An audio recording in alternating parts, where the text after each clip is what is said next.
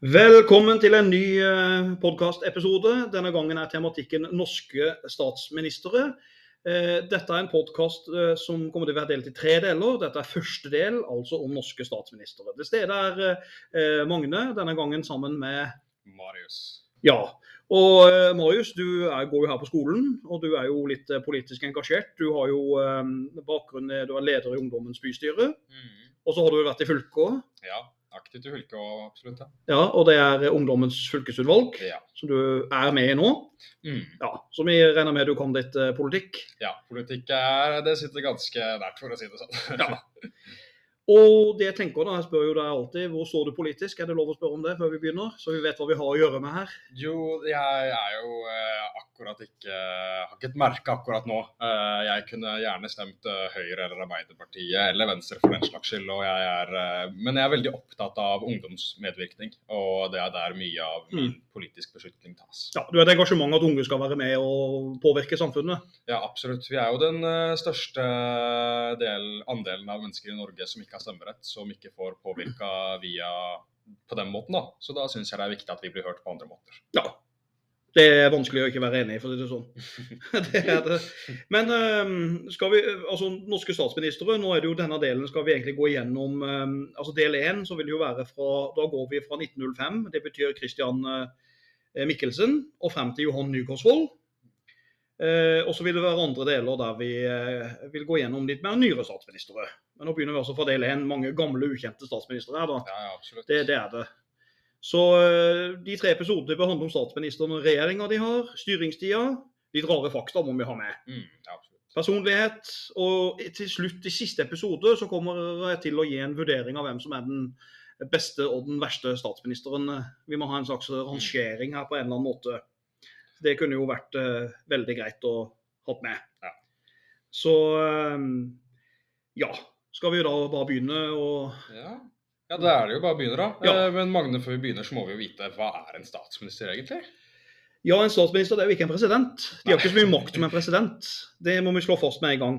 Men statsministeren er jo vårt lands øverste regjeringssjef. Og styrer i Norge har vi jo tredeling av makta, så det betyr at de styrer nemlig ikke lovgivende, men de styrer Utøvende. utøvende makt. ja. Og eh, statsministeren plukker jo da ut statsråder eller ministre til å lede denne regjeringen eh, der.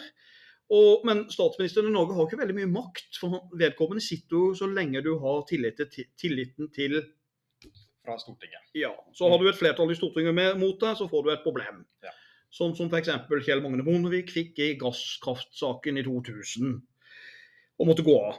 Eh, Så statsministerens rolle er jo egentlig ikke formelt definert ordentlig i Grunnloven, men det er mer basert på sånn konstitu konstitusjonell sedvane, det er et pent ord. Mm. Mer sånn ah, praksis som har bare blitt til i årets løp.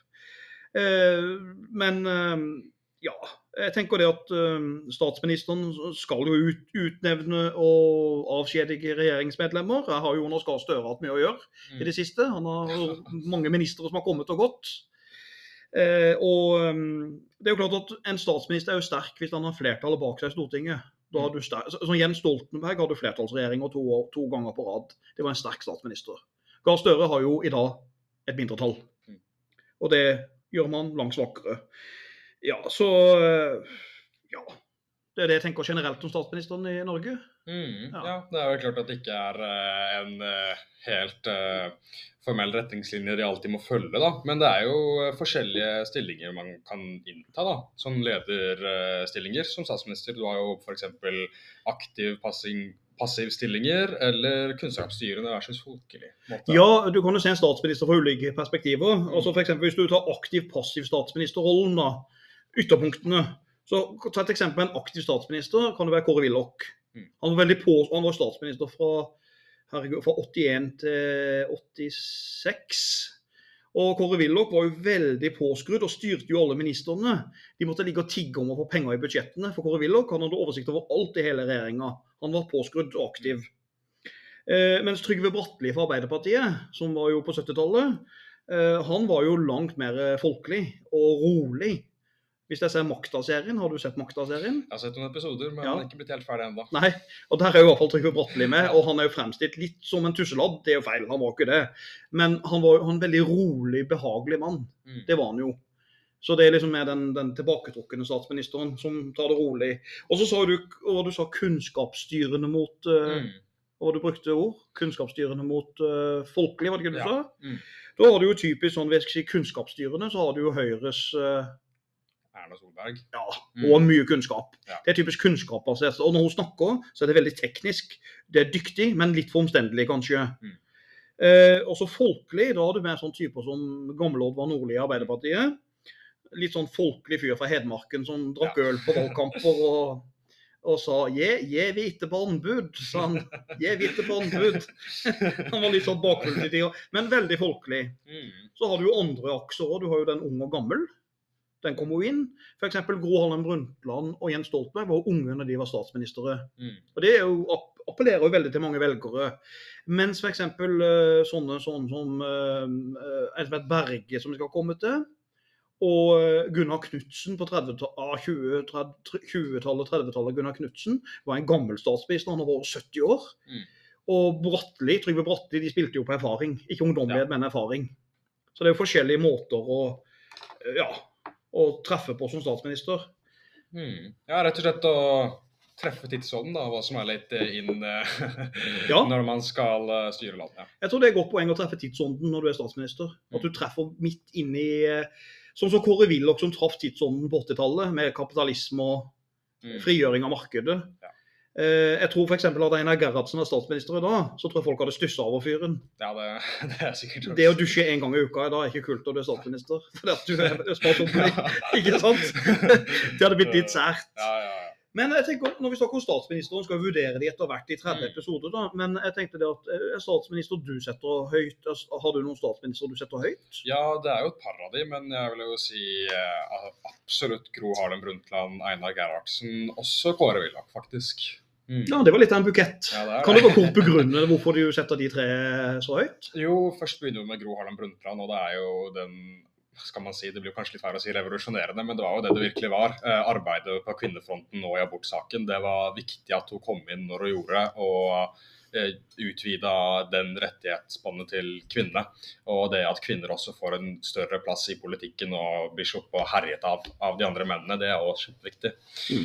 Eh, og med Einar Gerhardsen så er det jo selvfølgelig hans oppbygning etter andre verdenskrig og måten han trakk nasjonen sammen på. Og Mm. forente oss til ett folk igjen, Mm. eh, og bygde nasjonalfølelsen. Ja, statsminister i nesten 17 år. Mm, lenge. Det er veldig imponerende. Ja, og Gro Harlem Brundtland var jo statsminister i tre mindretallsregjeringer. Ja, det er så kjempe... Og siste var Willoch. Ja, eh, det er jo også en spennende kombinasjon. Men jeg tenker det er, han, var kjempedyktig, ikke minst. Det er jo helt klart at uh, han mot uh, Gro var jo to eh, eh, maktpersoner i bautaen i de forskjellige partiene. Da. Eh, men han var en veldig viktig eh, vekt da, i norsk politikk på den tida. Og jeg tenkte at måten han eh, privatiserer og eh, ja, gjør litt ting eh, mot Gro Harlems Mm. vilje, var også veldig sunt for det norske demokratiet. Ja, At du faktisk fikk utvide åpningstider, du fikk eh, mer enn Vinmonopolet, du får Mm. mer enn NRK. Ja. Altså Ting vi tar som selvfølge da. Mm. Det var jo Kåre Willoch som starta opp. OK, da har vi fått vite det. Mm, Og da er vi bare rett over på statsministrene. Og Da da skal vi gjøre det. begynner vi jo vel med nummer én, Christian Michelsen. Ja, for vi, begynner, vi velger å begynne i 1905. Christian Michelsen, som er uh, vår første statsminister når vi får selvstendighet. da. Mm. Og det er jo det han er. Og Christian Michelsen var jo statsminister i perioden uh, ja, 1905 til 1907. ja, han satt i to år. Mm. Og du går jo an å sammenligne han med en kar i USA. Ja, Mr. Washington, begge to er frigjørere. Uh, så ja. Så det er jo på en måte, Mikkelsen er jo en øyeblikkets mann. Mm. Eh, ikke en for sånne interne politiske diskusjoner på Stortinget. Han var ikke god der. Men han er jo mannen som river oss løs fra eh, Sverige. Og eh, han forfatteren Bormann Larsen, som har skrevet veldig mye om disse kjente norske personlighetene, om kongefamilien, han skrevet litt om Mikkelsen òg, han vektlegger at Mikkelsen hadde veldig slagkraft, veldig gjennombruddskraft når han ville noe, men han likte ikke å sitte og lese dokumenter på Stortinget og i komiteer. Han likte ikke Stortingets interne arbeid. Men Mikkelsen og bakgrunnen er jo litt spennende. Mm. For han er jo da Bakgrunnen til han er jo at han har øh, øh, Han drev business. Skipsreder og politiker. Ja, Det en spennende kombinasjon. Fra Bergen. Fra Bergen. Mm. Og uh, han, eh, han var jo veldig Ber- bergenspatriot. Det er vel uh, vokst opp et konservativ kjøpmenn i, uh, i byen. Han var vel, hadde fem søsken. Han var eldstemann. Dro måtte dra flokken på fem. Eh, så eh, det var jo en mann som var interessert i mye. Veldig glad i teater. Mm. Elska å gå på teater, fikk han sjansen. Mikkelsen var jo veldig debattglad. Elska å debattere og krangle. Det likte han. Eh, han studerte juss, Mm. og det gjorde han i Kristiania eller Oslo. Og ble etter hvert ordfører i Bergen. Og så var han veldig glad i alt det norske. Uh, Det betyr Fridtjof Nansen, veldig Ja, nært ja, ja. forhold til Nansen. Mm. Og det her er båten uh, fram. Mm. Ja. Litt mer om det politiske livet hans, da. Hvordan eh, var det det utspilte seg, da? Ja, det politiske livet hans, ja. Mm. Ja, du kan vel si det at uh, han, eh, han kom jo inn på Han kommer først inn på Stortinget for Venstre. Det er ikke så mange som vet. Overraskende. Ja, for Venstre var et stort parti eh, i den- denne perioden. Selv om han var konservativ som type. Mm. Venstre var jo et parti med veldig mange sprikende retninger. Eh, og, men til slutt så brøt han ut av Venstre, og så gikk han inn i dette Samlingspartiet. Og det er jo Samlingspartiet som skal rive Norge ut av unionen med Sverige. Mm. Og den historien tar jeg veldig kort nå, da. For det at den 1905-saken det handler om vi hadde det egentlig greit med Sverige. Men vi mangla en ting. Et konsulatvesen. Mm. Altså handelskontor i utlandet. Og Det betyr at eh, mange av de norske skipsrederne ville jo ha selvstendig utenrikshandel. Mikkelsen er jo en av de. Han er der sjøl. Mm. Og Oskar, kong Oskar 2., den svenske kongen, han, eh, han nekta jo at Norge skulle ha uh, dette her konsulatvesenet, og, og gjorde det vanskelig. Og Det som skjedde her, da, er jo en veldig enkel greie. Eh, til slutt så bestemmer eh, regjeringa i Norge seg for faktisk å søke avskjed eh, fordi at de mener kongen, svenskekongen ikke fungerer. Så de søker, av- regjeringa søker avskjed. Og eh, det som skjer videre er at siden det var kongens plikt å skaffe landet en regjering, så var kongemakta opphørt å fungere. Regjeringa kunne ikke styre, sier de, når svenskekongen var sånn som han var. Mm. Og siden kongen nå skulle binde unionen sammen, så var det da unionsbåndene som er brutt. Og det er kongen som har gjort det, ikke Stortinget. Så regjeringa sier at vi kan ikke styre så lenge du holder på som du gjør. Når ikke vi kan få dette selvstendige konsulatvesen, altså en selvstendig utenrikshandel. Så i plenum i 20. 20. juli 1905 så, så ble det rett og slett sånn at uh, Norge, at Sverige har eh, under én konge sluttet å fungere, og er nå oppløst. Unionen er nå oppløst som følge av at kongen ikke fungerer lenger som norsk konge. Mm. Rett og slett et stortingsvedtak. Ja. Norge river seg løs i 1905, 20. juni, gjennom et stortingsvedtak. Så det er jo helt utrolig at det gikk, det gikk faktisk så enkelt. Ja, det er jo kjempeimponerende. Og, men Mikkelsen var jo god for å ta med seg litt eh, kjente nordmenn eh, i kampen om dette her, da. Ja, det gjorde han. Han hadde med seg eh, selvfølgelig Fridtjof Nansen, som ble sendt ut for å tale Norges sak. Eh, og så var de selvfølgelig ute og henta han der danske prinsen. Ja. Han godeste prins Carl, som blir til Nå må jeg tenke, det er Håkon 7., er det ikke det? Jo, Det er vel det. ja det er det. Mm. Så da fikk de jo liksom sikra seg en konge òg. Og, så og så ruller jo ballen videre her nå. Ja, ja, og så blir det folkeavstemning og Ja, og da blir det jo klart flertall fordi at de skal være frie fra Sverige. Mm. Stort flertall for frihet fra Sverige. Og så begynner forhandlingene i Karlstad. Og det er jo der Mikkelsen er til stede og gjør en veldig stor jobb. For Mikkelsen er en lur og intelligent forhandler. Han tar små steg, bitte små steg, og forhandler med svenskene. Eh, Og klare å unngå krig. Og det vi ble enige om er veldig kort. da, Norge skal rive noen grensefestninger. Eh, med unntak av ikke Kongsvinger festning, da.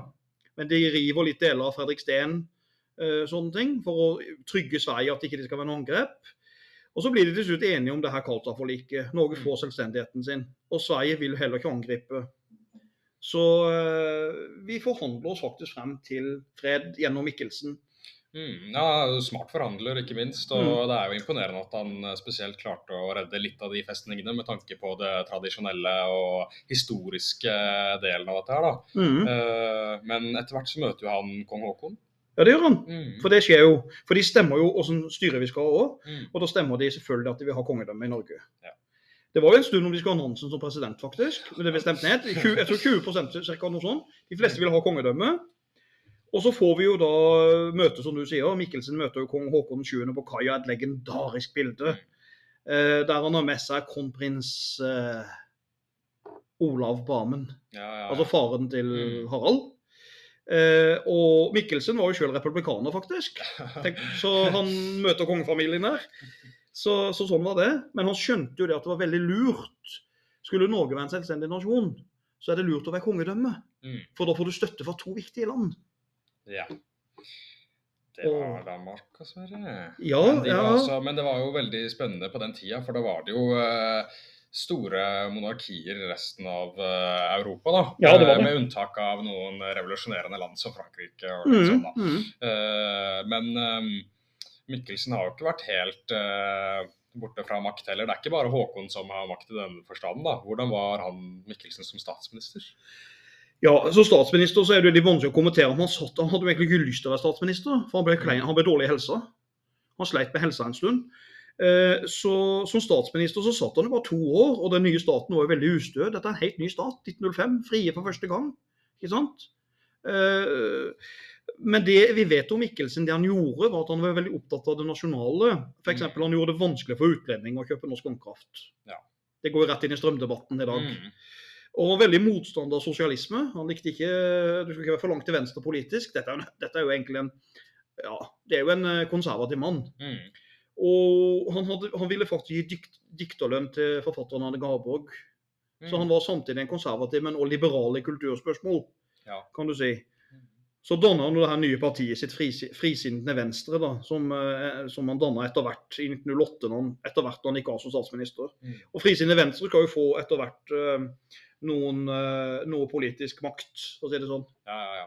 Det er jo imponerende hvor mye han har fått til i de korte åra han har sittet som uh, statsminister og forhandlingene han har drevet med. Har Ja vi noe terningkast å gi Mikkelsen? Vi ruller terning. Vi ruller terning. Terningkast på Mikkelsen. Han skal ha en femmer, tenker Ja. jeg. Mm. Kort begrunnelse. Han er en av de store, i, store statsministrene i Norge. Eh, han fikk oss eh, løs fra Sverige uten krig. Det er viktig. Eh, så utenrikspolitisk er jo mannen strålende. Men litt tynn og kort periode til å kunne nå en sekser. Ja. For han er ikke den store innenrikspolitiske reformatoren, Nei. som f.eks. Einar Gerhardsen er. Mm. Som er en av de få som når helt til topps. Ja, ja, ja. Ja. Ja, nei, Det er jo spennende, det er jo det. Uh, det skal jo litt til å få en femmer også, da, så det er jo ikke å legge skjul på det at han har hatt ganske mange store bragder. Absolutt. Det er det ikke. Uh, så er vi jo på nestemann i lista. Da har vi jo Jørgen Løvland. Jørgen Løvland, ja. ja. Han er jo veldig kort periode som statsminister. Det er ikke Ja. lenge han satt. Ja, det var Var det Fem måneder? fem måneder? Det er jo Ja. ingenting. Men eh, han er jo ofte sett på som en undervurdert og glemte statsmann. Han er ikke en stor Mm. statsminister, men det er en stor statsmann. For han var jo, han var jo Jørgen Løvland var jo utenriksministeren til uh, Mikkelsen. Mm. Og så var, han, var det han som var face to face med kong Oskar 2. når de ga avskjedssøknaden i unionen. Så han tok jo den rollen. Mm. Uh, så han var jo norsk statsminister i Stockholm i 1905. Og så ble han statsminister i ja, 1907-1908, da i fem måneder. Ja. Kort periode. For å si det sånn. Ja. Gikk jo av grunnet negativt flertall, da. Eh, det er jo Ja. Ja, det er spesielt begrep, det. Mm. Negativt flertall. Det betyr faktisk Det er litt sånn matematisk spesielt, fordi at du kan Åssen ble det nå, da? Det var jo noe han bestemte sjøl, det her, da. Men hvis du får to ulike mistillitsforslag imot deg, Mm. eh, altså to ulike voteringer, så, du, så kan du legge sammen de to. Ja. Og hvis det er et flertall imot deg da, så trekker du deg. Mm. Eh, og sier ikke du har tillit. Vanligvis så vil folk dele dette i to og si nei, nei, nei, jeg fortsetter å styre. Så det er ikke sikkert han hadde så lyst til å være statsminister lenge, han Løvland. For han var jo egentlig en skolemann. Mm. Han var jo politiker og embetsmann. Mm. Så han, han var jo egentlig ikke så gira på statsministerrollen, så vidt jeg har skjønt. Nei, nei, nei. Men jeg hadde jo mange politiske embeter, da. Enormt mye. Dette er jo en mann som er sammenlignbar med Torbjørn Jagland. Ja. altså, altså, Torbjørn Jagland hadde jo eh, Vi kommer til Jagland i 30 episode. Jagland har jo vært stortingspresident. Han var statsminister, han var UF-leder, eh, han var utenriksminister, han var jo leder i noe Europa, hva det var for noe Europaråd eh, for menneskerettigheter. Altså, Jagland har hatt masse posisjoner. Men det hadde Jørgen Løvland òg. For å ta de veldig kort, noen av dem. Jeg kan ikke ta alle, men det er jo så enormt. Han var for det første formann i, i transportkomiteen på Stortinget. Jernbane var ekstremt viktig for Løvland, Mm. som var en del på Evje, forresten. Han kom Ja. jo fra Evje. Og så var han statsråd for uh, Arbeidsdepartementet. Og så var han sjef for Arbeidsdepartementet. Og så var han jo selvfølgelig statsminister. Og så ble han utenriksminister. Og og så var han arbeidsminister. Eh, Og så var han søren meg kirke- og undervisningsminister òg. Og så når han etter hvert gir seg mer som politiker, så går han over i Nobelkomiteen. Og der er jo han med å gi Nobels fredspris faktisk i var det 1920 til en amerikansk president. Jeg tror, Var det 1919-1920? Ja, det er jeg litt usikker på. Ja, Mm. men vet du hvem? Woodrow Wilson. Woodrow Wilson for Mm. første verdenskrig og Folkeforbundet. Ja, Jeg ja, tror vi er der, mm. litt grann sånn. Så eh, ja. Ja, Det er jo eh, stort imponerende. og Det er jo eh, mange så, det, er, det er ikke mange som har hatt like lang embetstid som det Lauvland har. da. Men eh, kan vi, Magne, kan du si litt når han er født og litt gift og død? Litt eh, personlig? Personlig fakta om han. Ja, han var jo, det er interessant, han er jo han er ikke så langt unna, for han er jo en Evje-mann. Han er Mm. født i Evje sånn 18, 1848. Og så er han sønn av en gårdsbruker. Sånn bakgrunnen, da. Eh, han var gift med en lærer. Dette er jo et skikkelig sånn lærertryne. Altså, dette er alle lærere Han lærer sjøl og gift med en lærer. Og eh, han studerte vel på Holt. Jeg tror faktisk han søkte lærerjobb på Fevik òg. Ja. Men den fikk han ikke. Så litt Nei. gøy. Han fikk ikke jobben eh, på Fevik. Fevik skole. Holdt Jørgen Løvland utenfor. Så, um, men han var jo beinhard i unionssaken. Han var jo helt enig med Mikkelsen i unionssaken. At Norge måtte ha sitt eget konsulatvesen eh, og få selvstendighet. Så han blir sånn sett Norges første utenriksminister som selvstendig land. Det er han jo eh, veldig eh, på. Ja. Så var han jo ganske um, Ja, han var bestemt i nøytralitetspolitikken i Norge på den tida, altså. Ja, det var han. For han ville at Norge skulle holde seg utenfor konflikter. Han var Mm. veldig opptatt av at Norge skulle være nøytrale og ikke blande seg inn i konflikter mellom Tyskland og England. Nøytralitet var det beste, øh, og ville helst unngå det. Mm. Å komme i konflikt. Ja, ja, ja. Så han holdt den øh, veldig sterkt. Mm. Men på den tida så har vi også noe annet som er fort i vinden, og spesielt på Evje, vil jeg tro. Det er jo nynorsken, for å si det sånn. Ja, stemmer det. Ja, for Løvland var jo nynorsk-fan, kan man Mm. si det. Han var for likestilling. Han ville ha likestilling mellom riksmål og landsmål. Og um, var veldig pådriver for sånne rettskrivingsreformer i, og sånne ting. Og kjempa for alt som vi er imot i dag. Ja. Så, men, men dette har jo, nynorsken jo viktig for å på en måte løse seg fri fra Danmark, tenker jeg, den gangen. Ja. Den gangen var jo språket viktig for å bli kvitt danskene. Mm, Nasjonsbygginga. Ja, egentlig. Mm. Ja. Har vi noe terningkast å gi Lauland, eller? Vi ruller terning igjen. Terningkast på han. Ja, det må bli tre minus. Ja. Fordi at han satt kort periode som statsminister. Uh, derfor er han litt vanskelig å vurdere. Så han var svak som statsminister, måtte jo gå av. Uh, men som politiker ellers så er det en stor personlighet som er glemt. Som politiker ellers så er det en, en, en femmer. Jeg tenker at han er litt sånn Jagland. Ja. Kort periode som statsminister, men stor som politiker. Mm. Uh, når vi kommer til Jagland. Det er noe likt der. Jeg håper ikke han var så klønete i uttalelsene som. Jagland var. Stor embete nå, ja, ja, Ja. ja. Så har vi jo nestemann på lista, Gunnar Knudsen. Statsminister fra 1908 til eh, 1910. Og i flere perioder òg etter det. Han er Det er en svær Ja, fyr. Mm. Det er mange ukjente men Gunnar Knudsen er stor i denne perioden, altså. Ja, ja, ja. Uh, stor på mange forskjellige måter, og stor og vanskelig personlighet, sier mange. Ja. Han blir jo beregnet, han blir jo kalt den sure gubben. Hvis du ser bilder av det i bøker, så, er, så har han liksom en veldig lang bart. Mm. Eh, Ligner på sånn White Derp, sånn western-type. Eh, lang bart og hengemunn. Og så var han jo 65 pluss når han var statsminister. 65 år pluss. Han var jo godt voksen. Mm. Eh, gretten, kristen fyr. Eh, og var statsminister under en vanskelig tid, for han var jo statsminister under første Verdenskrig. nettopp. Så mm. Han var jo så gretten at han skjelte ut ministrene sine. Hvis de særlig han irriterte hvis de rista med beina eller tromma med fingrene på bordet. Da klikka han. Det var det verste han visste. Hvis du skulle tirre han, så var det å lage lyder når de skulle jobbe i forhandlingene på Stortinget. Da, da gikk det helt bananas i hodet hans. Da fikk de kjøre seg. Og han hadde veldig klar lederfilosofi. Han sa jo det at eh, eh, hvis du skal styre, styre noe, så kreves det i hver skute eller skip at det er en, en, en stødig skipper og en kommando til å lede gjennom farlige farvann. Mm. Og det med farlig farvann-metaforen, det er jo første verdenskrig med miner ute i vannet og alt dette her sikkert òg. Mm. Han kom jo i den første verdenskrig-greia. Ja, ja, ja. Og Ja. skipper det var han jo nesten, for han eh, var jo faktisk skipsreder og Ja. politiker og industrimann. Eh, Men kan kan ikke du si litt mer om bakgrunnen til Gunnar Knudsen? Jo, jeg kan prøve iallfall. Det som jeg synes er spennende med Gunnar Knudsen, er at han er jo ingen politisk broiler. Han er jo, som du sier, han har vært i yrkeslivet. Så han, han er jo veldig mye altså, født, han er jo født i Arendal. Stokken i Arendal. Mm. ikke sant? Tenk på det, ikke mange som vet det. Men han flytta etter hvert. Flytta til Porsgrunn for å drive industri i Porsgrunn.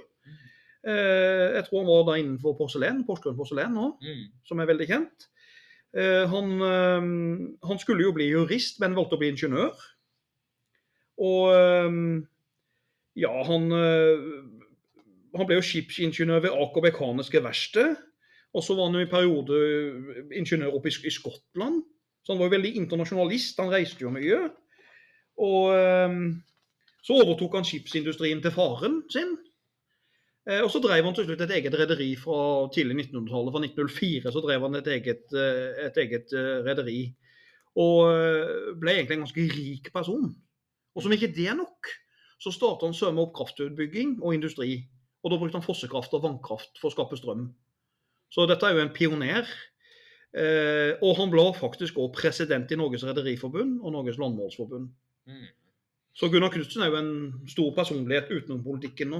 Ja, ja, En, en businessman. Ja, for å si det sånn, det er, ikke, det er ikke mange som kan måle seg med like mye bragder som det Gunnar Knutsen har fått til, altså. Det er det. Og Nei. det er jo spe veldig spennende personlig han har, altså. Absolutt. Uh, men litt sånn inn i politikken, hvordan eh, var han eh, der, da?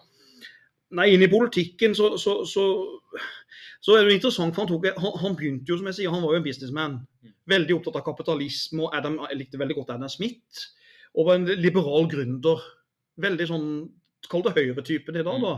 Men så går han til å bli en sosial reformator når han blir statsminister.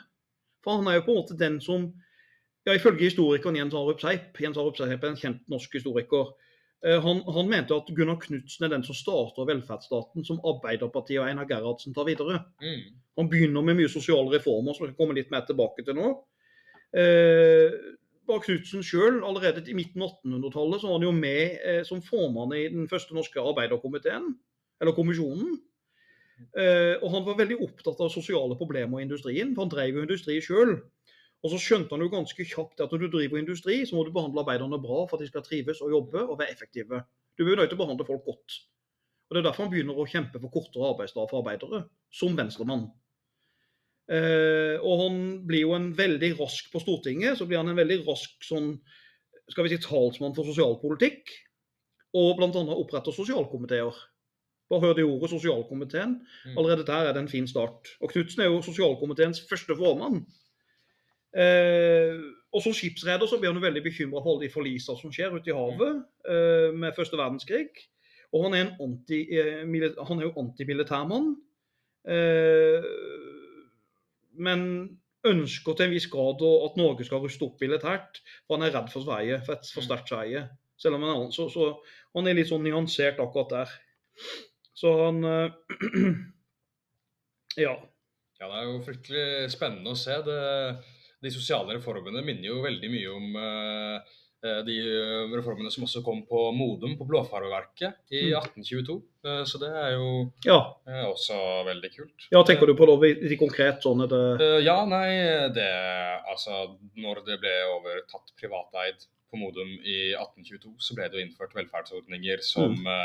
at barna til arbeiderne skulle få gå på skole, Mm. eh, du skulle få bolig, eh, du skulle også få apotek og medisiner, eh, Ja. og du skulle få bedriftsleger, da. Så Ikke dette var jo litt mer større sosialt, eh, hva skal man si, nett, Ja. eh, så man kunne få det bedre. Mm. Og effektiviteten steg jo i værs. Så det var jo Mm. veldig positivt. Og allerede i 19, når du nevner de reformene, i 1908, når han er i regjering der en periode 1908, så, eh, så, var han, så tok han begge roller. Han var både statsminister og finansminister, så han jobba dobbelt. Det er ikke mange som gjør. Han, han jobba dobbelt. Og, eh, men han var jo i mindretallsregjering, og så måtte han liksom mase Stortinget om å støtte hele veien. Men allikevel så klarte han sammen med Arbeiderpartiet å drive gjennom offentlig sykeforsikring. Eh, og så fikk han igjennom vannkraftutbygging og mer eh, nasjonale skogeiendommer. Mm. Altså man skulle nasjonalisere dette her eh, industrien. Mm. Og så får han jo en periode der han forsvinner ut som statsminister fordi at Frisinnet Venstre tar over. Vi kommer til Frisinnet Venstre etter hvert. Men perioden 1913, hør hva jeg sier nå, 1913 til 1920, når han er tilbake for andre gang, det er sju, da er han sju år som statsminister. Og i begynnelsen av han 64 år, så han slutter som statsminister når han er godt i 70-åra. Nei, det. Er en effektiv periode, altså. Da får fyren gjort veldig mye. Mm. Veldig mye får han gjort politisk. Ja, du nevnte jo mye, eh, ja, mye av det i stad, men han har jo fått masse reformer fram, og minnes jo faktisk til og med om Gerhardsen. Absolutt så gjør han det. Jo, jeg er uenig i hva du sier. Det er jo litt sånn Gerhardsen her. Eh, For han lanserte jo et omfattende reformprogram, Knutsen. Igjen særlig 1908 til 1920. Eh, Men han rakk jo bare gjennomføre en liten del av programmet, fordi at første verdenskrig kom jo inn og forkludra litt her. Eh, Men han samarbeider veldig tett med Johan Castberg. Og Johan Castberg, det var jo de Castbergske barnelover, at du skulle forby barnearbeid i Norge. Mm. Og de fikk en folkepensjon som etter hvert av, av, altså erstatta fattigvesenet. Og du fikk tra- trafikk, hva det heter, um, fabrikktilsynslov Mm. med kortere arbeidsdager, ulykkesforsikring for arbeidere. Og um, han egen industri var det i Porsgrunn, så testa han ut hvordan 10 timers arbeidsdag fungerte for arbeiderne, istedenfor å ha 15-16 timer. Så gikk han ned på 10 timers arbeidsdag for å se om det fungerte bedre. Og det var jo noe han var fornøyd med. Så en av hjertesakene til Knutsen, åtte timers arbeidsdag, den kom på slutten av hans regjeringstid i 1919. Da fikk han på plass den åtte timers arbeidsdagen. Mm. Eh, ellers så reiste jo fyren mye og var veldig internasjonalt orientert, som jeg Mm. sa i stad. Han var Ja, veldig ja, ja. sånn, opptatt av det internasjonale. Mm, litt sånn utenriks... Ja. ja sånn utenrikspolitisk Mm. så var han veldig orientert mot et land. Han var jo veldig glad i eh, Engelskmennene. Ja, han var det. Mm. Og det er jo kanskje derfor Norge i første verdenskrig ble kalt en nøytral allierte òg. Mm. Fordi at vi var så veldig kobla mot England, og tyskerne mislikte jo det. Vi skulle være nøytrale, sier vi, men så var vi mest kobla mot England og handla mest fisk til engelskmennene. Og da klikka jo tyskerne. Mm. De likte det ikke. Men øh, han støtta jo likevel en nøytralitetslinje til en viss grad. Men han, han beundra jo engelske statsministre som David Lloyd. George og Herbert Asquint. Og så hadde han faktisk veldig mye kontakt med eh, Gunnar Knudsen var jo bra engelsk. Mm. Så han hadde mye kontakt med internasjonale statsledere, sånn som Teddy Roosevelt, USAs president. Så de, de, begge de elsker å skrive brev. Ja. Og så hadde han faktisk Woodrow Wilson også via brev. Så han er brevvenner. ja, ja, ja. Han hadde internasjonale brevvenner, denne, denne Knudsen. For å si det sånn, det er alltid positivt det når uh, statsleder av et litt mindre land har uh, noen såpass stor i makten på tråden. Ja, ja. Det er Vennskapet mellom skal vi si, Kjell Magne Bondevik og Bill Clinton var jo også sterkt. Mm. De hadde god tone, for å si det sånn. Så det er noen sånne tilfeller. Mm. Kåre Willoch og Reagan i sin tid. Ja, ja, ja. Ja, Skader ikke det. Mm. Men som uh, Kjell Magne Bondevik, så var jo også Gunnar Knudsen kirkelig engasjert Det var han. og kristen. Han var kristen. Mm. Veldig. Og da var han jo Han, um, han var veldig engasjert i kirka, ja. Og um, han oppførte vel Jeg tror han var med Han hadde mye penger, da, så han var med og bygde Borgstad kirke, faktisk. Til minne om dattera som døde litt tidlig. Dattera Gudrun som døde litt tidlig. Og, så dette er en mann med penger, og dytta pengene inn i kirka, Mm. for å si det sånn. Eh, Og øh, ville gjerne se politikk i sammenheng med den kristne kallstanken. Og Det betyr jo det at han, han var jo veldig tilhenger av det her når man tenker Lukas-evangeliet, som er litt sånn sosialistisk evangelium der barmerte samaritanerne er med og sånn. Det er derfor Gunnar Knutsen også opptatt av fattighjelp. Ja. For han, han så det som en kristen kallstanke. Mm. At du skulle hjelpe fattige folk som hadde det vanskelig. Ja, ja, ja. Og så var han jo også en liten tilhenger av um, avholdsbevegelsen. Det var jo Ja, det var han jo, for han støtta jo uh, forbud mot brennevin i Norge. Ja. så, og det var sikkert hans kristne syn. Mm. Det var jo en kamp de tapte så det grein etter hvert. Ja, Du ja, kunne ikke forby Tenk Norge med, med altså, poteter. Ja. Bygda i Norge. Norge er jo skikkelig uh, hjemmebrent land, ja, ja. Det uh, sånn sett. Så det, var jo klart at den tapte de. Ja. men en i Venstre, som vi senere skal komme til, en stor statsminister i Venstre, uh, som heter Morvinkel, Mm. han var jo uenig med Gunnar Knutsen her når det gjelder synet på kristendom. Mm. For han var jo mye mer liberal og, og, og åpen. Han var jo gift tre ganger, tror jeg. Men vi kommer til han. De, de likte ikke gamle Gunnar Ja, nei, nei, nei. De kristne verdiene. Ja da. Nei, men også, som han- Gunnar Knutsen var jo veldig opptatt av det at hardt arbeid, det er livets glede, Ja. mente han. Og kroppsarbeid hadde han høyere respekt for enn all annen type arbeid. Folk som jobba hardt, satte han veldig høyt. Så han var en eh, sånn type mann med disiplin, ser jeg for meg. Mm. Mm. Ja, men hva med hjemfallsretten? Ja, det, ja, den glemte vi jo, selvfølgelig. Mm. Den er jo viktig med han, for hjemfallsretten det er jo helt genial norsk politikk. Det er jo rett og slett at utlendinger kunne investere i norsk vannkraft, være med å bygge ut norsk vannkraft.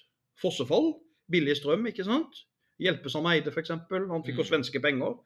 Eh, Men etter en viss periode på la oss si 10-20-30 år, så skulle altså, den her eh, vannkraftanleggene falle tilbake til statens eierskap. Mm. Det er jo, altså det er jo samme man gjorde når man olje òg. Olje og gass. Vær så god, kom og drill Kjell og Esso og hele pakka, men om 10-20-30 år så skal 100% falle tilbake til norske stat. Og dere må i tillegg betale skatteinntekter når dere henter ut olja vår. Så dette er jo en strålende politikk, noe de kanskje burde gjort med strømmen, eh, med strømmen i dag. Mm. Ting skulle tilbake på norske hender, nasjonalisere ressursene. Men Gunnar Knudsen var veldig skeptisk til monopoler i næringslivet. Mm. Han er ikke noen sosialist, for å si det sånn. Og han er jo på linje med gode gamle Adam Smith, kapitalismen Smith, ikke sant. Mm. Så um, du kan jo nesten si at fyren er litt fremsynt. Eh, For han holdt jo en tale eh, om Norges fremtid i 1909, Gunnar Knudsen. Og så sa han følgende i talen. Han sa følgende i den talen. Nå er vi fattige, men vår natur og høye fjell og fosser og ressurser vil komme til å gi etterkommerne våre store rikdommer. Fordi at det vil komme en stor teknologisk og vitenskapelig utvikling i Norge. Og han traff jo. Ja, ja, ja. Hjemfallsretten bygger jo litt eh, på framtiden, rett og slett. Og det at ja, det skal gå det norske folk eh, til lønning i framtiden. Ja. Det er jo det. Uh, hobbyer, da? Hadde han noe svært til det, eller? Ja, vi glemte han som person med hobbyer. Ja, hadde han hobby. Ja, han likte jo å krangle. Nei, men, nei, nei, nei, men hobbyene han, hadde, han var veldig interessert i, i Henrik Ibsen. Ja. Selvfølgelig var han det. Ibsen skrev det religiøst av og til òg. Eh, Pastor Manders, f.eks. Men, nei, men altså, han hadde en båt som het Heivigen. Ja. En seilbåt. Han likte å seile med Heivigen-båten sin. Eh, og så er det jo klart at fyren var jo gammel som statsminister på slutten. Jeg tror han var 73-74, ja, sånt. Han var jo godt i 70-åra. Han, Ja. han ga seg. Han orka ikke mer. Han ble sliten, rett og slett. Ja, ja. Sånn går det. Ja. Eh, Sånn går nå dagene. ja, ja, ja. Uh, terningkast, da? Hva er det vi vil gi Gunnar Knutsen, da? Vi ruller på Gunnar Knutsen. Gunnar Knutsen han må ha terningkast fem. Ja. Han er en av de få som får fem. Begrunnelse, en av de virkelig store. Uh, styrte lenge og hadde mange reformer i en vanskelig tid. Jeg mener fem pluss, forresten. jeg må si det. Ja. Første smak vi får av velferd uten å ha mye penger i Norge. Eh, leder Norge bra gjennom krig. Relativt bra, med nøytralitetslinje. Eh, og hadde vannkraftutbygging og kortere arbeidsdag som eh, seire. Mm. Så dette er en som var med og bygde eh, litt det moderne Norge eh, som statsminister. Så en fem pluss, vil jeg si. Mm. Gunnar Ja. Knutsen. Det er jo kjempespennende. Det er jo virkelig bra. Ja. Mm. Da går vi jo bare fort over til nestemann, som er Wollert uh, Konov. Hvem? Ja, det, det var jo det. Det er jo vanskelig å bare uttale navnet i første Ja. omgang, vet du. Det er ikke mange som har hørt om Jeg hadde nesten ikke hørt om han før som statsminister. Wollert Konov. Ja, Nei, det har ikke jeg heller. Jeg har faktisk ikke hørt om han. Nei, han satt jo for det frisidende Venstre, Mm. som er partiet som han var med bl.a. danna han Mikkelsen. Men eh, det er jo en ukjent person som tar over etter Knutsens første periode. Når Knutsen går, må gå av i første periode, så kommer liksom Konov inn, og så kommer Knutsen tilbake igjen. Det er jo noe sånn Ja. Eh, men han er jo en eh, skal jeg si, en, en, en brukseier. Og så var han statsminister i 1910 til 1912, så det er snaut to år. Født i Bergen, Fana. Mm. Der forresten Christian Mikkelsen er gravlagt. Ja. Så er det sagt. Eh, Så han bodde ikke langt unna Fana kirkegård. Litt trist, men sånn er det. ja. Mm.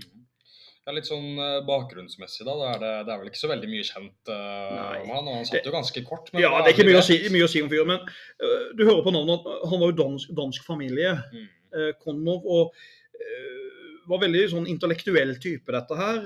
godt skolert, likte å lese. filosofisk skal vi si filosofisk statsminister, sier de. Mm. Eh, og stilte jo til valg for Frisinnede Venstre. Og så ble han jo statsminister etter han fikk varm støtte fra Christian Mikkelsen. Ja. Michelsen hjalp han litt til makta her, sier de. Og så danna han en koalisjons- eller samarbeidsregjering eh, sammen med Venstre og Høyre. Mm. Som er sånn eh, blanda. Men det som blir hans store tabbe som statsminister, den korte perioden han sitter, det er jo det at han, han har selvfølgelig Stortinget-flertallet imot seg. Mm. Og så begynner han å fremme nynorsksaken. Ja. Han, så dette, dette er en statsminister som, som ryker fordi han, han, bruker, han holder tale i, eh, i Norges Bondelag der han forsvarer nynorsken i, i varme ordlag, og det vil ikke Høyre. Høyre er jo et byparti hovedsakelig. Mm. Høyre er ikke interessert i nynorsken, så da blir jo Høyre ute av samarbeid med han. Så hans, nynorsksaken er det som sprekker partiet. Ja, det er jo spennende å ha mindretall og så fremme noe så kontroversielt samtidig. Ja, det er ikke så smart av Mr. Nei. For å si det sånn. Så det var jo tydelig at det ikke var mye bragder på denne mannen her. Ja, ja. I hvert fall i forhold til uh, mannen før. Uh, men sånn terningkastmessig, da, hva, hva har du lyst til å gi der? Vi ruller. ja, da havna terningen på en svak toer. Ja. altså, det er jo en svak eh, statsminister, vil jeg si. Begrunnelse. Mm. Svak statsminister Konov, som roter seg bort i mye filosofiske grublinger. og Veldig intellektuell, forstår ikke hverdagen til folk. Kanskje litt Gahr Støre, kanskje, kanskje. eh, mangler litt realitetsorientering, så han får rett og slett en toer og roter seg opp i nynorsksaken. Det Mm. fantes jo mye viktigere problemer den gangen enn dette her. Så ja. Ja, sånn er det det går, rett og slett. Eh, Vi er jo i en eh, tid uh, prega av mange statsministre med lite tid som statsminister. Ja, ja, ja. Altså, dette er jo de harde 20- og 30-åra. Mye av vår podkast nå. Og de harde 20-30-åra så er det jo mye konflikter. Norge er ikke det landet med mest konflikter, men det er mye fattigdom. Mm. Du har jo krakk i USA som skjer, ikke sant? Eh, som slår innover og ødelegger mye av industrien og næringsliv. og eh, 20-30-åra, delvis 40 år, er vanskelige i eh, norsk politikk. Mm. Ja, så da fyrer vi rett over på nestemann, Jens Bratteli. Han er jo litt sånn i samme båt som eh, forgjengeren. Han var jo faktisk statsminister i kun et år. Ja. eh, Fra 1912 til 1913. Stemmer. Og han er litt interessant, for han er den eneste ugifte statsminister vi har hatt. Mm. Og med militærbakgrunn. Ja, jo Ungkaren med militærbakgrunn. Er Jens Bratteli eh, fra Høyre, basert til partiet Høyre her. mm. Og han, han blir jo beskrevet som en litt autoritær type som person, eh, men han hadde veldig støtte i bygdehøyre. Ja. Jeg sa jo Høyre var byparti, Mm. men han her eh, klarte å gjøre Høyre litt mer eh, Altså Høyre ble litt mer ute i bygdene med konservativ profil. At Høyre liksom fikk konservative velgere. Så bakgrunnen så var han jo han offiser og jurist. Eh, og han var jo først sjef for Forsvarsdepartementet før han ble statsminister. Mm. Og ja. Ja, litt sånn personlig liv, da. Han var jo offiser, jurist og politiker. Men uh, hva ellers? Nei, det kan du si. Han eh, tok jo veldig mye utdannelse innen militæret. Han gikk opp på den militære høgskolen i Norge, som lå i Kristiania. Eh, og så var han på Universitetet i Oslo og ble jurist, tror jeg. Eh, han jobba som advokat en periode, denne Bratteli. Jens Bratteli, ikke Trygve Bratteli, for guds skyld. Ikke bland de to. Eh, og så ble han jo eh, generaladvokat i Hæren, faktisk òg. Mm. Så han jobba jo innenfor militæret. Og fyren var jo veldig positiv til Sverige, faktisk. For han, han mente jo at øh, Norge og Sverige burde slå seg sammen militært og ha en slags felles hær. Og det var jo veldig omstridt å mene rett etter. Altså, vi er ikke så lenge vi har selvstendighet. Vi har selvstendighet i ikke ti år engang, nesten. Så kom han her og sier at vi skal ha en felles nordisk pakt med svenskene. Mm. Det har vi jo prøvd på før, og det har aldri funka. Nei, det gikk jo gikk jo fort inn i union der, og det er jo Ja. mange som var redd for at uh, integreringen av eh, hærene ville skape til integrering politisk og til slutt til en samla nasjon, eller at vi kommer under som Mm. eh, juniorpartneren i en union igjen. Absolutt. Men det er klart at det Bratteli var lykkes med som statsminister, det var at han lykkes For han hadde jo den koblinga til Bygde-Norge. Mm. Og i, når han var i Høyre, så klarte han å samarbeide med de kristenkonservative på landsbygda bedre enn mange andre har gjort før. For han hadde koblinger til de pietistene, de strenge kristne. Han var en militærmann med opptatt av disiplin, så han kom liksom til overens med disse kristne på Vestlandet. da. Og Det er jo en fordel som at han klarte å, han klarte liksom å bygge eh, litt sånn borgerlig samling. Mm. Eh, ja. Så eh, Men han måtte jo da gå av til slutt, for etter hvert så, så får jo Venstre flertall. Ja. Gunnar Knudsen vil jo tilbake igjen. Mm. Og eh, når Stortinget kommer sammen på nyåret i 1913, så må jo Bratteli søke avskjed. Og da kommer jo gjør Knudsen comeback eh, og styrer jo i sju år, han Knudsen. Men ellers under første verdenskrig så tenker han han Bratteli jobba veldig aktivt for å sikre kornforsyning. Mm. Det var han veldig opptatt av. Militærmann igjen. Han sikra kornforsyning og ville ikke ha noe sult. Og ja, eh, ja, skal vi si noe videre med han. I, på 20-tallet, 1925, så, så er han jo med og danner Fedrelandslaget i Norge, Ja. faktisk. Den nasjonalistiske foreninga.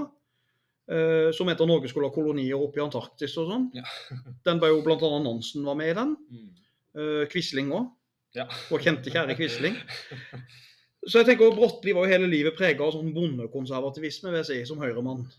En sjelden høyremann sånn sett. Mm. Der de fleste liksom høyrefolk er eh, byfolk, så er han her eh, ja, Det er jo spennende å se med alle disse statsministrene. og Vi har jo en nasjonalhelt som Fridtjof Nansen, og det er jo spennende å høre hvor nær tilknytning han har hatt mange av disse eh, frontfigurene i norsk politikk. da. Ja.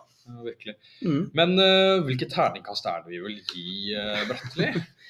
Eh, Jens Bratli han får vi rulle en, eh, en eh, ja, Vanskelig å bedømme han for det er kort periode, men er mellom en toer og tre år. Mm. ikke sant? Eh, veldig hardtarbeidende statsminister var han jo. Det skal han ha. Men han satt kort periode med mindretall, det er jo et problem. I trang økonomi. Men han var jo veldig sånn disiplinert. Hvis noen foreslo å ha et møte med fyren, så var han jo veldig gira eh, på Ja, da sa han med en gang OK, klokka Mm. fem om morgenen. Er vi Ja. klare fem om morgenen? Så han var litt sånn plagsom. Ja, ja, ja. Nesten litt militærmann. Ja, rett og slett. Han var jo det. Mm. Og så kommer jo etter han så kommer jo comebacket til Knutsen, som jeg snakka om. ja. Og da er jo Knutsen statsminister i, eh, i 20 år framover. Mm. Eh, ja. Helt til nestemann. Mm. Ja. Og vi presiserer at det er Jens Bratli og ikke Hvem da, Magne? Ikke Trygve. Bratteli. Det er noe helt annet Altså. ja. Trygve Bratli i Arbeiderpartiet skal vi ha i podkast nummer to. Mm. Eh, Og da er vi over på neste mister, som også har faktisk overraskende kort tid som statsminister, og det er Otto B. Halvorsen. Otto B. Halvorsen, ja, stemmer. Han, han sitter jo i, eh, i 1920 til 21. Og så har han et lite comeback i 23. Ja. Eh, så vidt jeg husker, han er vel den statsministeren som faktisk han er Jeg tror han er eneste statsminister i Norge som dør av sykdom mens han er statsminister. Ja. Jeg tror han får kreft og dør. Mm. Denne Otto, eh, Otto B. Halvorsen. ehm, som er vel eh, Høyre, han òg, tror jeg. Jeg mener, jeg husker han er Høyre. Nå ble jeg i tvil, men jeg tror han er Høyre. Otto B. Halvorsen. Ja. Men eh, han var vel jurist og politiker eh, av bakgrunn. Selvfølgelig var han politiker, det sier jo seg sjøl. Utdannet advokat, ja. Vokste opp i Oslo. Mm. Uh, ja. Det er jo ikke en veldig kjent person det her heller, men han, uh, han hadde veldig mye Jeg tror han fikk Han var jo søkte på jobb som høyesterettsdommer i Norge, tror jeg, men jeg tror ikke han fikk den. Eh, litt sånn stille type av inntrykk. Han satt stille i båten. Han var jo på en måte sånn med i Jens Bratlis regjering, Mm. forgjengeren. Men så satt han stille, men øh, Og ble faktisk litt sånn Han ble kanskje statsminister fordi han var den som var rund i kanten og litt sånn nøytral. Mm. Er, er liksom det inntrykket, da. Så eh, Så når Knutsens, altså Gunnar Knudsens andre regjering går av, da kommer Halvorsen i Mm. 1920. Ja. Nei, det blir jo også fort en strid i Venstre her, da. Ja, de har, Eh, I regjeringspartiene. ja, det gjør det. Ja, for det, at, altså, det blir jo konflikt med Venstre her, kan du si. For Ja. Høyre og Venstre er veldig uenige her. Mm. Uh, for det at uh, de er uenige om språket, det er jo én ting. Høyre er jo ikke noe særlig fan av nynorsken. ja, ja, ja. Og så er det alkoholforbudet. Mm. Det er jo en sentral greie. Og så har du selvfølgelig trusselen. Høyre ser jo det, den voksne arbeiderklassen som en trussel. Ja. Uh, og, og han godeste Halvorsen, han gjør jo en spesiell ting som statsminister. For han vil jo faktisk løse bolignøden for folk flest. Uttrykket 'folk flest' der. Mm. Og det mislikte høyresida i partiet. Altså høyresida i Høyre. De var ikke fan av at eh, statsministeren hadde lyst til å løse boligkrisa. Den gangen så de jo fattigdom som et eh, ikke samfunnsproblem, men som et eh, nettopp. Og regjeringa led jo nederlag i Stortinget til slutt og måtte gå av pga. Eh, de ønska å arbeide for en ny enhetsskole. Mm.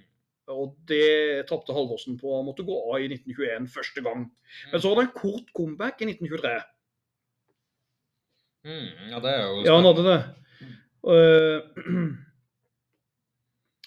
og da fikk han jo til noe med brennevinet. Ja. Han gjorde det. Spennende, det. Ja, spennende det.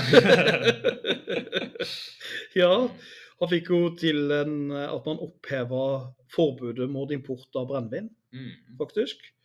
Og da, fikk jo Norge, da slapp jo Norge en del konflikter med en del land som solgte sprit Mm. eller brennevin. For det ble jo konflikter, selvfølgelig. Og så døde fyren. Ja. For han fikk jo da, eh, han måtte jo forlate regjeringssamarbeidet, altså regjeringsarbeidet, eh, rett og slett for han fikk kreft. mm. Og døde et par måneder etterpå, i 1923. Ehm, så han ble jo på en måte Dette er jo en fyr som var på vei mot høyden i karrieren, og så får han sykdom. Og dør før han er Jeg tror ikke han ble 50 år engang. ja. Nei, det er jo ikke, det er ikke så gøy, det. Men det er jo litt, ja, det er jo litt likt de andre statsministrene før han, med at han har jo bare hatt eh en toårsperiode i starten, og så en uh, kort uh, mm. halvårsperiode i eh, 1923, da. Ja, det er jo det. Ja, men eh, er det noe lettere å gi terningkast til han her, eller hva? Litt, litt, litt lettere. Vi ruller. Eh, Her havner han på tre. Ja. Jeg hadde bestemt meg for tre i hodet. da. Mm. Jeg gir han tre fordi at eh, jeg vil si han er en brobygger. Fordi Han forsøkte liksom å hyre gjøre Høyre bare til et parti for de rike. Han ville øh, gjøre noe med bolignøden, som jeg sa.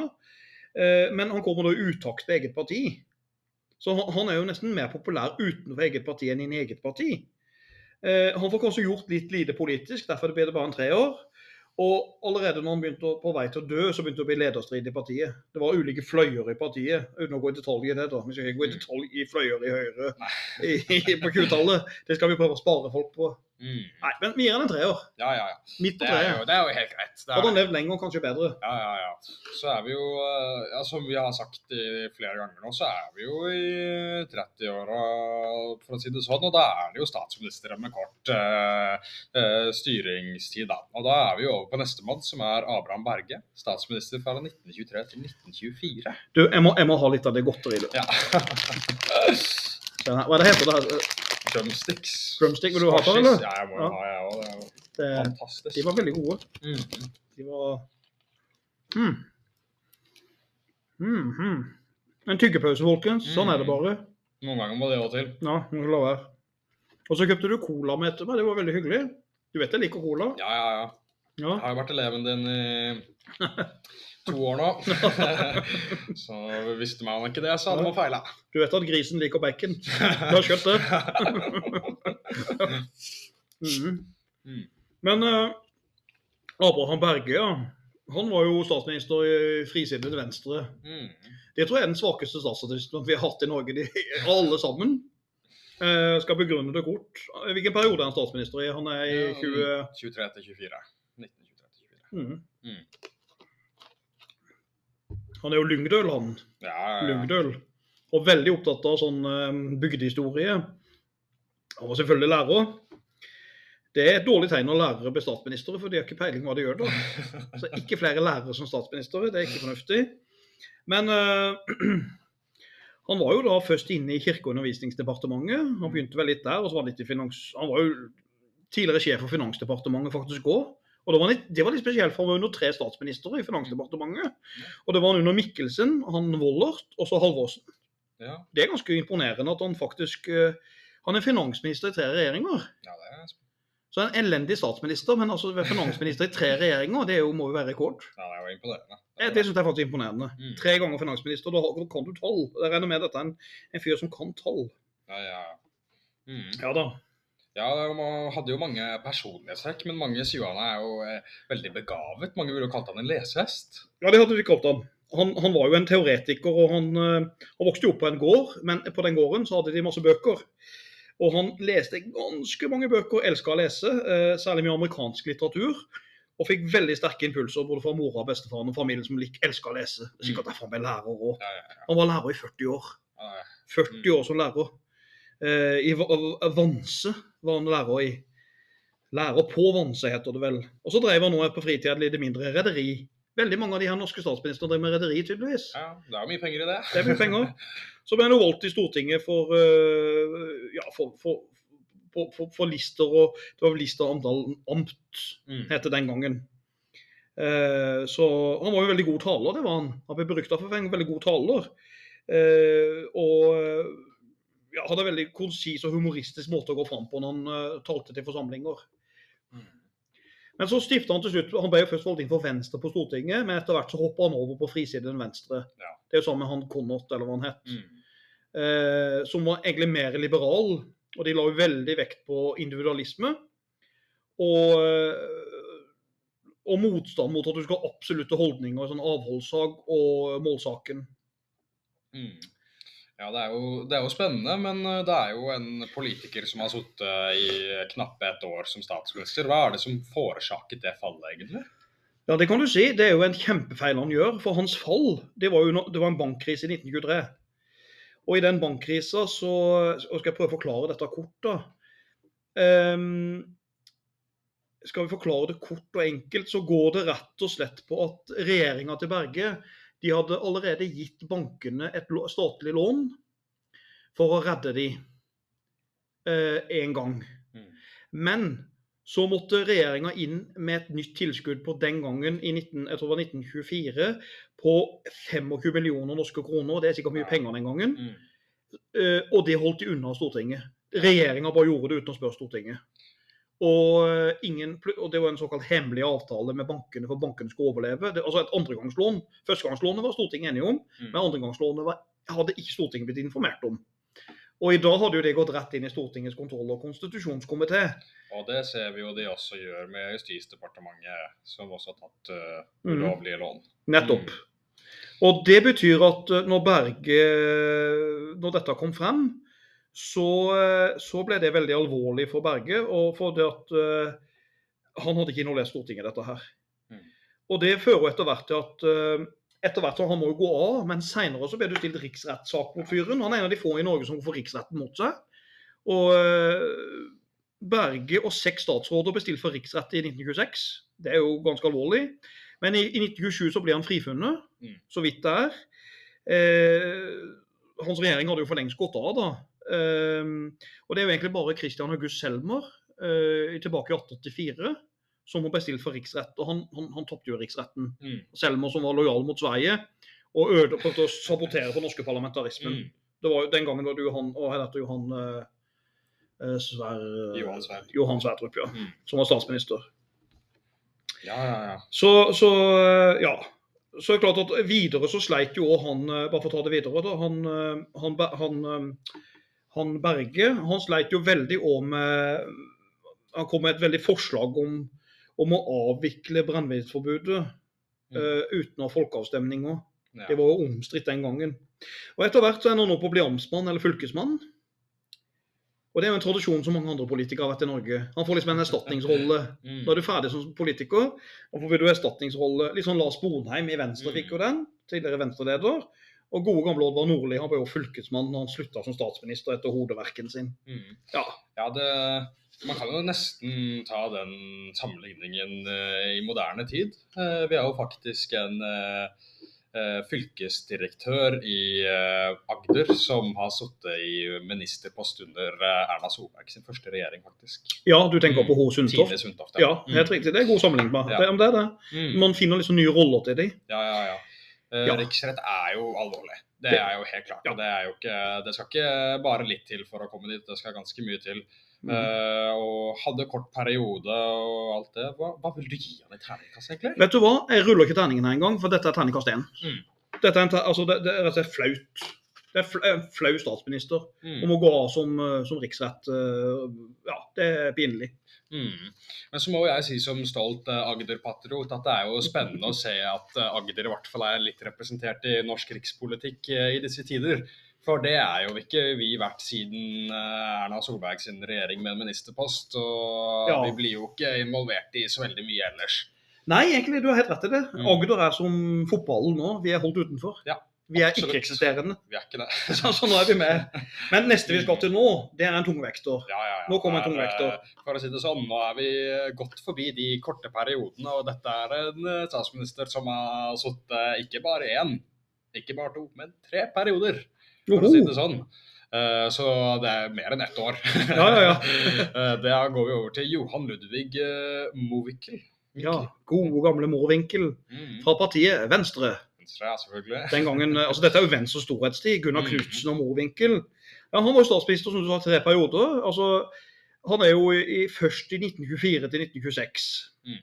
Det er første periode. Og så er han statsminister i 1928 til 31. Og så er han i siste periode fra 33 til 35, der han blir avløst av Arbeiderpartiet. Ja. Og det er imponerende. Han sitter i tre perioder. Um, og det er jo vanskelige tider, for det er jo de urolige 20-30-åra. Kjempeimponerende. Ja. Og Venstre var jo i mye tilbakegang i hans periode. Det var det jo, for å si det sånn. Uh, mye trøtte, kjedelige politikere i mellomkrigstida, dessverre Ja. for denne podkasten. Men uh, dette er jo en karakter av en type mm. som vi skal komme tilbake til. Dette er en eksentrisk original. Ja, det er godt det i politikken, da. Mm, at det finnes noen sånne. Mm.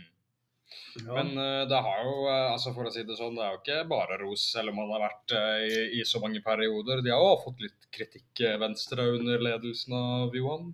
ja, under Mowinckel så ble jo ja, ja, ja, Johan Mowinckel. Da ble jeg litt. Så ble jo Venstre kalt for Vingle-Venstre, eller Pingle-Venstre. Og det høres jo kjent ut i forhold til Mm. Ja, Mowinckel var jo eh, skipsreder og politiker. Eh, hvordan var egentlig personlivet hans? eh, personlivet. Nei, det kan du si. Jeg vet ikke altfor mye om personlivet til Mowinckel, men han, han, han er jo født i Bergen. Eller var født i Bergen, selvfølgelig. Skipsreder han òg, som du sa. Og han var jo gift tre ganger. Det er spesielt den gangen. Vi er jo i en helt Ja. annen tid. Dette er jo 100 år siden nå, faktisk. Husk det. Mm. Tida går jo. Gift tre ganger. Han var gift med både Han hadde, han hadde Karoline, han hadde Sigfrid. Sigfrid, for et navn! Ja. Du kaller ikke en dame Unnskyld hvis vi sårer noen Sigfrid men Sigfrid det høres ut som Sigfred. Ja. Det er jo ja, det er ikke helt eh, Men også Julie. mm. Så han var sammen med altså Karoline, Sigfrid og Julie. Tre ganger gift. Men noen mener jo det at han kanskje var litt sånn med damer, for han mista mora si tidlig som, eh, som ettåring. Ja. Og han hadde aldri sin mamma. Ja, trengte litt uh, kvinnelig figur i livet. Kanskje det er litt sånn Freud her. Litt sånn Ødipus-kompleks, hvem vet. At han måtte ha seg noen uh, milfer. ja, da var det nok Gudda Knutsen som ikke var så veldig glad over det. Gunnar Knutsen var jo en kristen mann og var ikke veldig glad når man skilte seg. Gode, gamle Gunnar Knutsen. Men han her spesielt, han døde jo i New York, da. Det gjorde han jo. Ja, ja, Det ja. kommer jeg tilbake til. Han, eh, ble jo, for han var jo og besøkte norske motstandsstyrker andre verdenskrig i New York, og så døde han eh, rett etter han hadde hilst på dem. Mm. Uh, ja, Ja, ja, ja. spesielt. Ja, det er mange, han er jo, altså Til tross for det kanskje litt urolige personlivet, så hadde jo han en god bakgrunn, da. Ja visst. Han hadde det. Ja, Skipsredertradisjon uh, ja, altså, Selvfølgelig, det er jo nesten bare skipsredere fra Ja. Venstre som vi har sett nå. Ja. Ja, for det blir jo Mikkelsen, Knutsen til Morvinkel. Ja. Det er jo det. Så han var jo født i de gamle handelsfamiliene i Bergen, ja. Og øh, ja, var jo, han hadde jo lært masse om skipsmegling og skipsbusiness i Bremen og London. Eh, var mye ute i utlandet og tjente penger. Så kom han tilbake, og så får han jobb av Christian Mikkelsen. Da. Det gjør han jo Mm. tidlig. Christian Mikkelsen gjør jo jobb i, i skipsrederiet. Og så kjøper han sin egen første båt, og så starter han på egen hånd. da, egen hånd, egen hånd. Han har penger for familien nå, men starter eget rederi. Og så starter han et aksjeselskap, eh, og eh, hadde veldig stor vekst i sånn tank- og linjefart, eller hva det heter, frakt av, av varer. Mm. Eh, og han var jo med som en av stifterne av Norges Rederiforbund nå. Ja, altså Etter krigsutbruddet, altså første verdenskrig, så, så leda jo han Morvinkel arbeidet med en sånn krigsforsikring for norske skip. Ja. Han ville at du måtte sikre norske skip når de ble eh, senka ut i, ut i vannet. Ja, Det var jo kjempeviktig for eh, tiden etterpå. Det, var, Mm. er jo det, og det har jo lagt grunnlaget for mange norske forsikringsselskaper eh, på vann, som Gard f.eks. Ja. Det er jo det. Ja. Eh, og vi ser jo hvor viktig det er. Eh, men altså, sammenligningene med Knutsen kommer jo ikke til å stoppe noen gang. Mm. Knutsen var sur, men Mowinckel likte å provosere. Ja, det gjorde han. han eh, det gjorde nok sikkert Knutsen òg, men han her provoserte litt bevisst. For Morvinkel var jo en veldig liberal type. Dette er det liberale Venstre. Mm. Altså det, det, det, Venstre har en veldig liberal fløy i dag. Du ser det der eh, røyk Altså narkotikapolitikken, hva skal vi si. Eh, fri, fri, fri hasj og Ja, ja, ja. Venstres liberale profil mener jeg kommer mye fra Morvinkels tanker. Mm. For Han var jo sånn, eh, han sto veldig lenge sammen med Johan Castberg hånd i hånd eh, med de sosialradikale arbeidsreformene, får vi si. Veldig begeistra for de. Eh, Og elsker å provosere motstandere og tilhengere med den sånn liberale holdninger i forhold til eh, både sex og han var imot sensurering. Han ville ikke Mm. sensurere ting. Og Det er klassisk venstre. vil jeg si. Veldig opptatt av ytringsfrihet. Og nekta å sensurere ting som kunne provosere. Så han var jo lenge en lojal støttespiller til Gunnar Knutsen, det var han jo faktisk, men ble mer og mer eh, liberal etter hvert, føler jeg. ja, ja, ja. Individet var jo i sentrum, det er jo helt klart. Ja, og han var jo ikke minst han var utmeldt av norske statskirke. Mm. Han var ikke med i kirka, og Nei. det sleit Knutsen med. Det provoserte den gangen. da. ja, ja, ja, ja. Så, og Mowinckel ønska jo en, var veldig opptatt av Han, han var jo Ja, han, han ønska jo en nøytralitet som var litt mer på tysk side, faktisk. Mm. Ikke det han var tyskervennlig, men han var litt redd for Knutsens Englandsfavorisering. Mm. Så de var litt sånn småuenige der, da, ja, ja, ja. for å si det sånn. Men som statsminister, da? Ja, skal vi kommentere han som statsminister, så var han jo først inn som statsminister i 1924. Eh, når Venstre danner regjering. Og um, han leder som sagt tre regjeringer, altså fra 24 til 26, sa vi jo. Og så fra 28 til 33, eh, og 33 til 35. Mm. Og alle de regjeringene sleit noe veldig med at de hadde svakt parlamentarisk grunnlag. altså at de hadde mindretall på Stortinget. Det gjør det jo vanskelig å styre, for de må Mm. spørre, de må spørre Stortinget om hjelp. Og det var jo selvfølgelig økonomisk eh, krisetid Mm. eh, og finansielle problemer. For dette er jo ettervirkning av krisa i USA òg. Mm. Krakket som kom i USA, de får jo Venstre i fanget her. De får jo rett. Men som jeg sa, han var veldig liberal i kulturspørsmål. De tre berømte S-ene. Du kjenner de tre S-ene? Ja, ja, ja. Ja. Sex, sprit og sprak. Nettopp. Og han ville ikke sensurere filmer. Og Arnulf Øverland skrev jo en berømt øh, skal vi si, hva kan vi kalle det, en, et dikt eller en kort tekst med kristendommen som den tiende Landeplage. nettopp. Mm. Og den provoserte kristenfolket. Der han gjør skikkelig, Arnulf Øverland gjør skikkelig narr av kristendommen i Norge. Mm. Eh, og den syns Knutsen var helt OK, den må vi godta. For det er ytringsfrihet. Ja. Det samme gjaldt med Nordahl Grieg, som lagde et teaterstykke der han gjorde narr av skipsredere og rike folk. Til og med den syns Morvinkel var grei, fordi at det var ytringsfrihet. Og skipsredere er så arrogante, sier han, at dette må vi tåle. Vi må tåle Bertha på. Vi nødt til å tåle det. Ellers var han jo motstander av forbudet mot brennevinsalg og import. For Han mente at hvis vi holder på med det forbudet, så vil det kun ramme fiskenæringa. Vi handler ut med fisk, og så kjøper vi brennevin tilbake. Så land vil bli fornærma på oss. Interessant med han eh, som statsminister, han Mowinckel, det var at han var republikaner. Og veldig sjelden hadde han middag hos kongen. Ja. Så han var faktisk veldig, han ville helst ha republikk. Mm. Så det er ikke en kongevennlig mann. Og han var jo sånn, hvis du tenker sånn økonomisk, så var han jo veldig glad i eh, skal vi si, liberalisme, næringsliberalisme, kapitalisme. Men pga. alt den her eh, problemene som var, så måtte han sette det på vent. Mm. At han måtte, liksom, han måtte gå inn og forsøke å gjøre krisetiltak med statlige penger. Det var noe han ikke hadde lyst til å gjøre ut fra sin politikk, men har benøyd til å gjøre det. F.eks. at han måtte gå inn eh, i jordbruket og gi en viss grad av støtte til bøndene for de skulle produsere nok mat Mm. med statlige penger. Altså subsidieordningene. Mm. Ja, det er jo helt klart imponerende. Og det er jo godt å se at uh, de liberalistiske verdiene som ytringsfrihet blir satt virkelig på prøve her, og de virkelig blir beskytta. Det Og tatt de vare på. og Det er jo kjempespennende. Han var jo reder selv, men kritikken tok han med knusende ro. og Ja, ja. Det var en del av ytringsfriheten, så det er jo godt å se at det blir prioritert her. og Det er jo en Ja. helt klart forbedring i demokratiet på den tida. Det er det. Og det synes jeg er så viktig det du sier der. For en del land i 30-åra så begynner det også å være nazipartier. Fascistiske nazipartier. Dette gjør det ikke Norge. Norge får jo NS, men de er små. Mm. NS har jo 1,5 oppslutning. Det er nesten ikke oppslutning. Men hvorfor er det sånn i Norge? Jeg tror det har mye med sånne typer som Mowinckel og delvis Arbeiderpartiet som kommer til makta òg, at de bygger ned sosiale forskjeller. Mm. Altså, de, de er mer opptatt av sånn Altså, ytringsfriheten står i Norges grunnlov.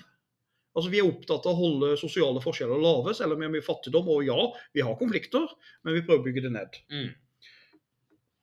Eller så får jo han Mowinckel utenrikspolitisk, så får du jo kontroll over Bouvetøya i Jan Mayen i hans periode som statsminister. Så det er litt sånn is ishavsimperialisme, om du vil. Ja, At ja, man faktisk forsøker å eh, Ja. Men sånn utenrikspolitisk så er det jo den, eh, den linja som Mowinckel sto for, den led jo nederlag. Mm. For ved den tyske invasjonen av Norge 9.4.1940, så, så var jo ikke tilliten til kanonens beskyttelse så stor. Han ville jo ikke bruke penger, for mye penger på militære morvinkel. Og det ville jo ikke Arbeiderpartiet heller i 1940. Så, så Men ja. Mm. Ja, nei, det er, jo, det er jo klart han hadde sittet lenge som eh, statsminister, det har han jo. Um, noe mer eh, han har gjort, eller eh, var det litt eh, det? Ja, jeg tenkte bare det at han, han måtte jo gå av som statsminister når uh, Nygaardsvold kommer med sin uh, Arbeiderpartiregjering. Uh, da må han trekke seg for det flertallet etter hvert. Nygaardsvold- Nygaardsvold-regjeringa blir jo en undervurdert regjering, vil jeg si. Vi kommer tilbake på den på slutten av podkasten. Mm. Men jeg tenker det han gjorde i, i 1942 så da har han jo da er han for lengst gått av som statsminister. Han gikk av i 35. Mm. Men statsminister Nygaardsvold tilbød han en jobb i, Mm. eh, i eh, Notraskip. Ja. Og det var jo den krigs, eh, han, norske krigshandelsflåten. Og eh, Mowiken ak ak aksepterte på en måte å ta den jobben. da. Og så reiste han til New York etter hvert, og var der som formann eh, for den norske skipsfarten. En slags sånn, han skulle overta som en slags formann i skipsfartsdirektørens utvalg. Det er så mange sånne Ja, ja, begreper her. Men den posten var jo kort. For da han var i New York, som jeg begynte på, så, så, så ble han veldig syk der i USA. Og sviktende helse. Så døde han faktisk i New York uh, i 43. Mm. Rett før han besøkte de norske styrkene i Little Norway i Canada. ja. Så da strøk uh, Mowinckel med. Mm. I, eh, I USA. Så ble hans kiste fraktet hjem. Mm. Ja, godt var jo det òg, da. Eh, han har jo hatt eh, lang tid i politikken i forhold til de andre i de kalde 20-30 åra, da. Men som person, da. Det, vi har jo Knutsen som blir beskrevet som eh, sur og grå og alt det fæle, holdt jeg på å si. Hvordan ble Mowinckel beskrevet som person? Du har blitt beskrevet som en varm person, faktisk. Et varmt menneske. Det er i hvert fall det jeg har hørt om han. Mye sjarm. En karismatiker. Eh, veldig sånn eh, artig selskapstaler, sier de. Han var jo høyt, altså, han hadde vært så mye i utlandet, det hadde Knutsen òg. Mm. Men han her var mer åpen og liberal som type. Underholdt, kunne være litt frekk i selskaper. Eh, var veldig gavmild med de fattige, faktisk. Han kunne gi mye av rikdommen sin til ulike foreninger og sånn. Eh, og han jaga liksom, mente ikke at du skulle jage bort tiggere sånn som du gjorde før. Det var ikke hans stil. Eh, og så forsøkte han faktisk et lite triks, eh, men det fikk han ikke til. Han forsøkte å slå sammen to aviser. Vet du hvilke to aviser han ville slå sammen? Ja, det var vel eh, VG og Dagbladet, da. Nettopp. Han ville slå sammen VG og Dagbladet. For han ville skape en stor, sterk, liberal avis som, Mm. eh, som holdt på ytringsfriheten. Ja. Men nå har jo nettopp de to avisene levd side om side da, og Ja. klart det ganske brukbart. Mm. Eh, Men det er jo helt klart eh, retninger på begge to eh, i, i dagens samfunn. ja, ja, det vil jeg si. Mm.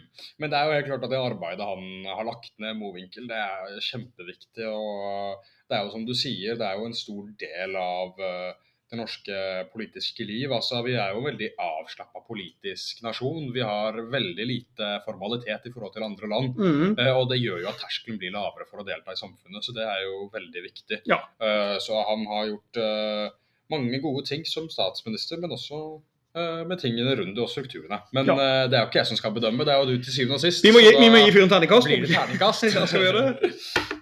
Du, Terningkast på han er litt vanskelig, for at, uh, han er egentlig en femmer. Mm. Mowinckel. Men problemet med Mowinckel, grunnen til at han får en sterk firer, jeg gir han en sterk firer, det er jo at han leder jo tre regjeringer, og dessverre så er jo alle mindretallsregjeringer i finansielle krisetider. Han er uheldig med tidsperioden han, han leter i, og han må jo oppgi Problemet er at han, han, han får ikke til det han vil økonomisk. Han må oppgi eh, sin økonomiske liberalisme flere ganger, og må gå inn og gi støtte til landbruket, må bruke statlige penger mer enn han kanskje ønsker men hadde samtidig liberale holdninger til samfunn og kulturliv. Og Så får han jo kritikk da, for at han var også med og bevilga lite penger til militæret. Eh, akkurat som Nygaardsvold gjorde, sånn at Norge ble et lett eh, mål i 1940 når Nazi-Tyskland angrep oss. Mm. Det er jo liksom en kritikk mot han. Så jeg syns fire pluss får det bli. Ja. Men hadde han vært statsminister i en litt annen tid, med litt bedre forhold, så hadde det fort vært en femmer. Mm. Han har personlighet til en femmer, men vi får gi han fire pluss. Ja, Jeg står for det, altså. Mm. Men det er jo noen som er statsminister innimellom han òg. Vi må snakke om disse små, ja, ja. småtrolla. Det er jo For å si det sånn, det er jo en periode med mye forskjellig styring, da. Det er jo det. Og når vi er på det, så er vi jo rett over på nestemann. Vi er jo på Ivar Lykke, statsminister fra 1926 til 1928. Ja, Ivar Lykke. Høyremannen Ivar Lykke. Lykke. Hyggelig navn. Han er jo en øh, Jeg lurer på han er familie med Trond Lykke, som starter opp Bunnpris, faktisk. Ja. Men jeg er ikke helt sikker. Nei, Det kan folk sjekke der ute. Vi vet jo ikke alt. nei, nei. nei. Trond Lykke, som jeg tror jeg lurer på det, altså. Men han var jo en, Ivar Lykke var jo en trøndersk forretningsmann, businessman fra Trondheim. Eh, og var utdanna faktisk i handel og økonomi. Og han var utdanna i Tyskland. Mm. Så han fikk jo se Hitlers vei til makta omtrent. Ja. Altså, han, han var jo, eller i hvert fall fremveksten av nazismen. Mm. Den tror jeg skremte vettet av ham, for å si det sånn. Mm. Og er rask vei tilbake hjem igjen etter det. for å si det Ja, ja, ja, sånn. han stakk raskt hjem til Trondheim, ja. ja, ja. Mm. Jeg syns det er så rart, for den podkasten jeg har her, eh, som, den, den blir lytta på alle deler i Norges land. Ja. Men trøndere de liker ikke denne podkasten. Trøndere er veldig lavt. Altså, det er noe med, de, Trøndere vil ikke høre på meg. Nei. Eller oss. Skuffende. Det er bare å høre mer på oss. Ja, jeg syns det. jeg syns det. Men uh, godeste Lykke, da. Skal vi si om Lykke, da? Hva skal vi kalle han? Han er jo høyremann, men Ja. Forretningsmann og politiker. ja. Uh, mer, eh, er det noe mer eh, ja på det, eller? en moderat høyremann, vil jeg si. Ja. Han ble jo valgt inn på Stortinget i 1916. Og så var han på en måte en sånn Jeg kan si, kan vi ikke si han, han, er, han er ikke akkurat konservativ av Høyre, men han er mer det her eh, eh, moderate, praktiske næringsliv-Høyre. Ja. Business-Høyre. Mm. Gode, gamle business-Høyre. Så han var jo ikke med på noen sånne fløykamper. Han var midt moderat, eh, litt, kanskje litt kjedelig type. Og det er jo derfor han ble kanskje stortingspresident òg. For stortingspresidenter er jo ofte litt runde i kantene. Mm. Det er jo de som pro så Jeg husker når Carl I. Hagen ville bli stortingspresident, så var det sånn nei, det skal du ikke. For han er kanskje litt for omstridt. Du må ha noen som er runde i kantene som stortingspresident. Mm. Så um, ja, Otto Halvorsen døde jo av kreft, som vi snakka om. Og da er det jo han her som tar over, eh, han Ivar Lykke. Eh, og han um, Ja, så han tar over en periode der, og uh, blir jo kanskje skyld, beskyldt for å være litt sånn antidemokrati, eller antidemokrat en periode. For han, han var jo veldig fan av å ha en handlekraftig regjering da under Fridtjof Nansens ledelse. Ja. Der kommer Nansen igjen. Ja, Nansen igjen. det, er, det er en uh, gjengjenger, det her. Ja, ja. Han uh, liker å mingle med folk med makt. Ja, Norsk landshelt. Ja, men så fikk han jo det svaret da, at han fikk jo det svaret at eh, den gangen så sa man man tager ikke, man tager ikke en, en hvilken som helst skiløper som statsminister, Nei. eller som til makt. Så ro det der ned med Nansen. Nei, ja, ja. Nansen var en uh, litt høyreorientert uh, skiløper med lang bart. Det var mange bragder. Ja. Mm, men uh, som statsminister, da, hvordan var statsminister Lykke? Ja, hvordan han var, ja. Det, det var ikke så veldig stor lykke. men eh, men eh, etter han, han, feila jo å få med Bondepartiet i regjeringa.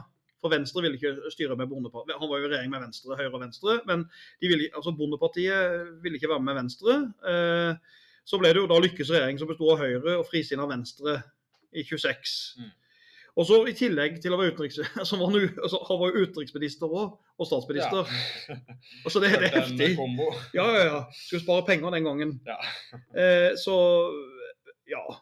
Så allerede i valget i 1927 så leide jo regjeringspartiene nederlag, og regjeringa måtte søke, av, søke avskjed i Stortinget i 1928. Og Da forlot han jo liksom ledelsen i stortingsgruppa over til partiformann og stortingspresident eh, han Hambro, Ja. som ble kjent navn i andre verdenskrig. Mm.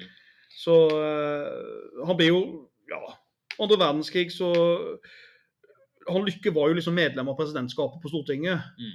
Og eh, skal vi si det at eh, han Her er det jo sykdom igjen inne i bildet. da, for at uh, Lykke han, han er jo den som er igjen Jeg tror han er igjen i Norge og må forhandle litt med tyskerne og sånn. Ja. Og får en forferdelig vanskelig situasjon. Uh, også i 1940 ble han operert for kreft. Og eh, forlenger jo livet, da. Eh, Og i 1947, to år før han døde, så kom faktisk kong Haakon på besøk til Trondheim for å besøke den tidligere statsminister Lykke. ja, det var gøy. Ja. Og da sier jo faktisk eh, Da sier jo faktisk kongen kongen strekker ut hånda til Lykke, så sier jo kongen til han at uh, jeg egentlig kommer for å besøke deg, kjære Ivar Lykke, for jeg vet du hadde en vanskelig situasjon med å forhandle med nazistene. Ja.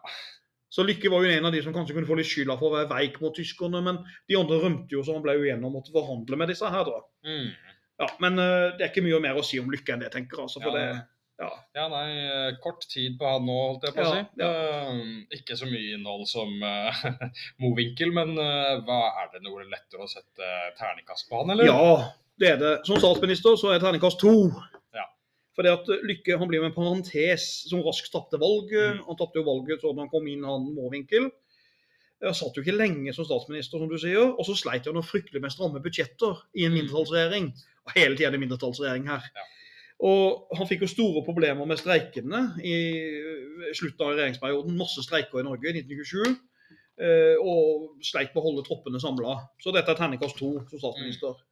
Ja, nå skal vi jo over til Kristoffer Hornsrud. Uh, han var jo statsminister i 1928, og vi har snakka mye om uh, statsministre med kort uh, lederperiode, men her går, tror jeg vi går over på rekordtid.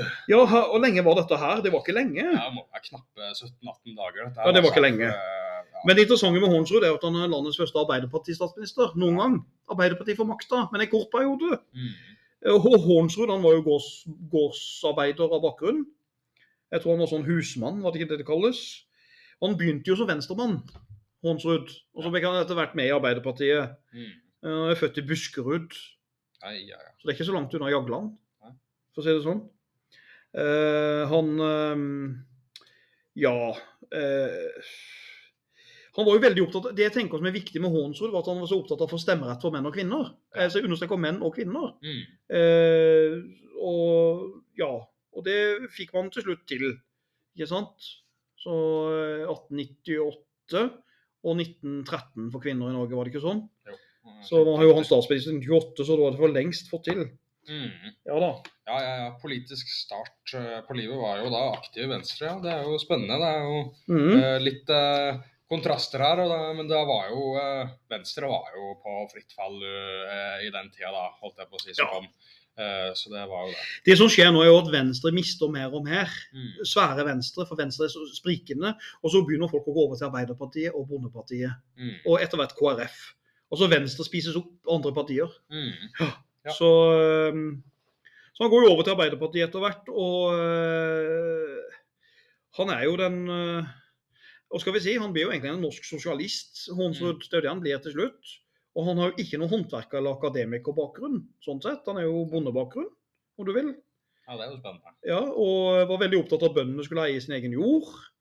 Um, så blir han jo statsminister etter valgseier om en veldig kort. For i, i 1927 så ble Arbeiderpartiet landets største parti. Og det største partiet, da ble han bedt om å danne regjering. Mm. Og han kombinerte jo statsministeransvaret med å være finansminister. Men det han måtte slite med, var jo ryktene at Ap var nemlig et Revolusjonært parti. Helt riktig. Mm. Og så prøvde han å si det at nei, vi er jo ikke det. Men det hjelper jo ikke, for folk hadde inntrykk av at de var revolusjonære. og fæ- altså sånn at De var, de var jo òg med i Komintern ikke sant, en stund. Mm. ikke sant, Og støtta Sovjetunionen. Ja. Mm. Og det var skummelt for mange. Så de var redd at de var revolusjonære. Så, men etter 18 dager så ble jo regjeringen Hornsrud felt Ja. av mistillitsforslag fra Venstre og han vi har nevnt mange ganger, Morvinkel. nettopp Morvinkel. Og da var det jo at regjeringa hadde nekta å garantere for bankene under en økonomisk uro. Mm. Regjeringa var ikke i stand til å holde bankvesenet oppe. Nei. Og det mm, Ja. Og da skal det jo gå så lang tid at den neste Arbeiderpartiregjeringa som kommer, da må du til 1935. Ja. Da går det noen år, for å si det sånn. Mm. Og det er jo den med Johan Nygaardsvold, ja. Mm. Som jeg har veldig sans for, Ja. faktisk. Skal jeg begrunne det? Ja, jeg syns det. Mm. ja, det er jo gøy å se at uh, det var jo mye å jobbe med. Det var jo det. Uh, når Arbeiderpartiet lenge hadde de ryktene med at de var revolusjonære. Men uh, nå var de på vei, og nå måtte de faktisk bevise at ja, de kan være et styredyktig styringsparti. Ja. Så det var jo mye av det arbeidet som lag imellom de 18 dagene i regjeringa og den nydannelsen til Nygaardsvold. ja. Mm. Og etter andre verdenskrig så, så ble jo han Hornsrud en sånn motstander av, av norsk alliansepolitikk. Han lever lenge. Han ble en sånn gammel statsmann, langt opp i 90-åra.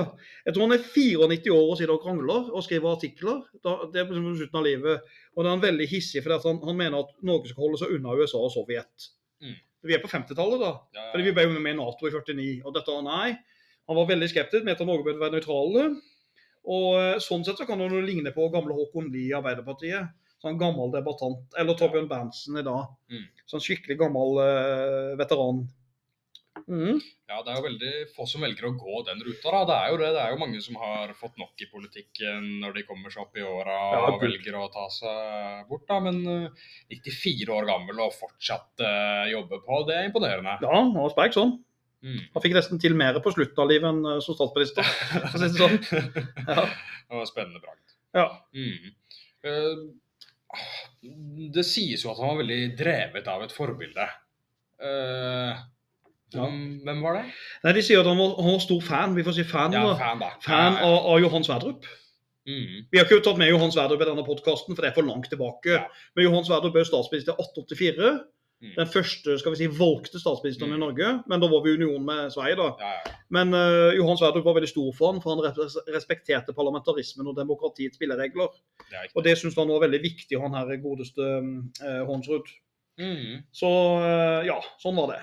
Så da skal jo jeg gi deg den vanskeligste utfordringen til nå. Det er nok å gi eh, terningkast på en regjering som har sittet i 17 dager. Ja, Det er jo nesten umulig, men det er klart at det kan jo ikke bli noe annet enn to. Nei. Grunnen til at han får én og ikke to, det er jo det at det, det er litt stas. Jeg synes det er veldig stas å klare å- at Ap får makt for første gang. Mm. Det er det, det er det store her. Men ellers er det klart at de utmerker ikke noen ting på 15 dager. Men vi gir han en toer, en ståkarakter. Mm. For det er liksom litt av gjennombruddet til Arbeiderpartiet maktpolitisk. Mm. Ja. ja, ja, ja.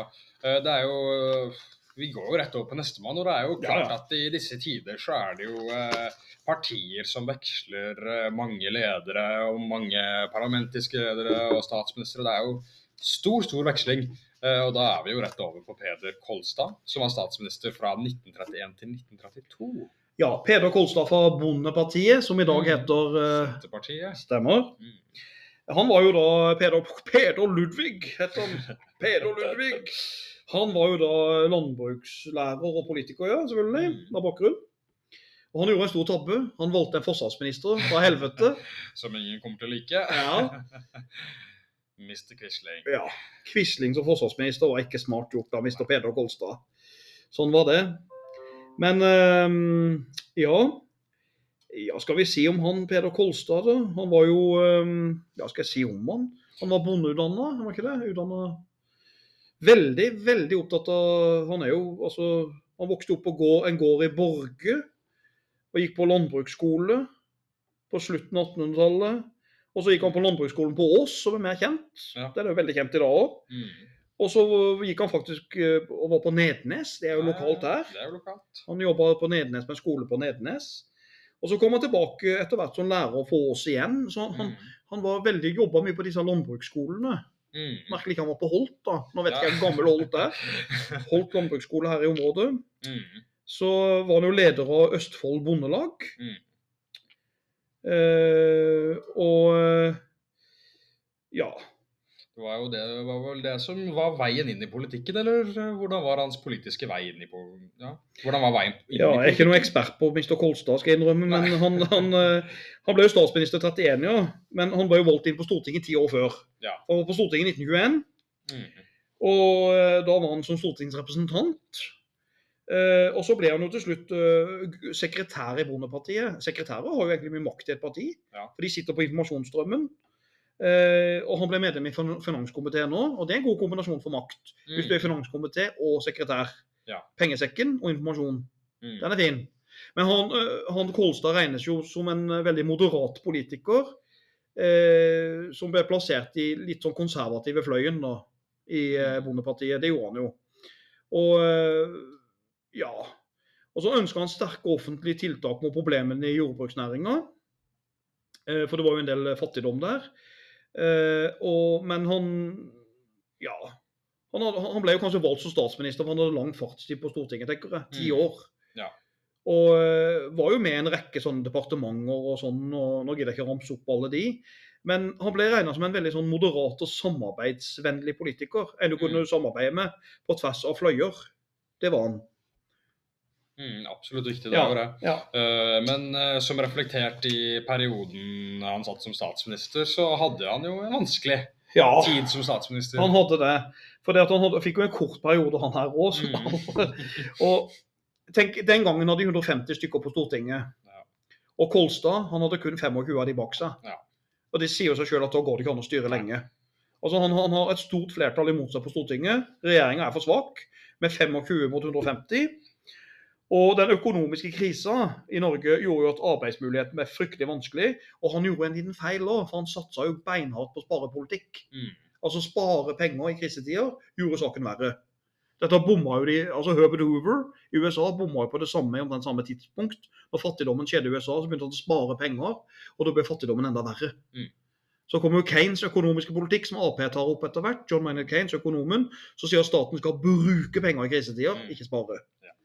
Så det ble jo veldig Og så får han jo da veldig mye konflikter Mm. i uh, denne perioden. Ja, ja, ja. Det, er, er jo mange som ikke er enig i valget, og det er jo eh, noe som selvfølgelig kommer i debatten seinere eh, pga. en viss person.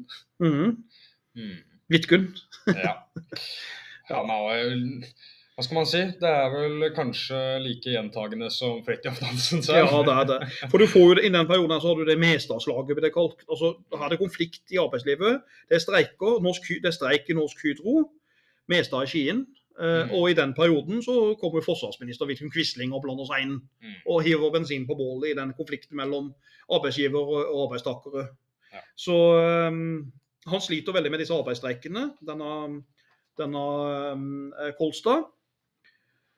Og så får han etter hvert utfordringer med at Norge uh, okkuperer eh, Øst-Grønland, faktisk.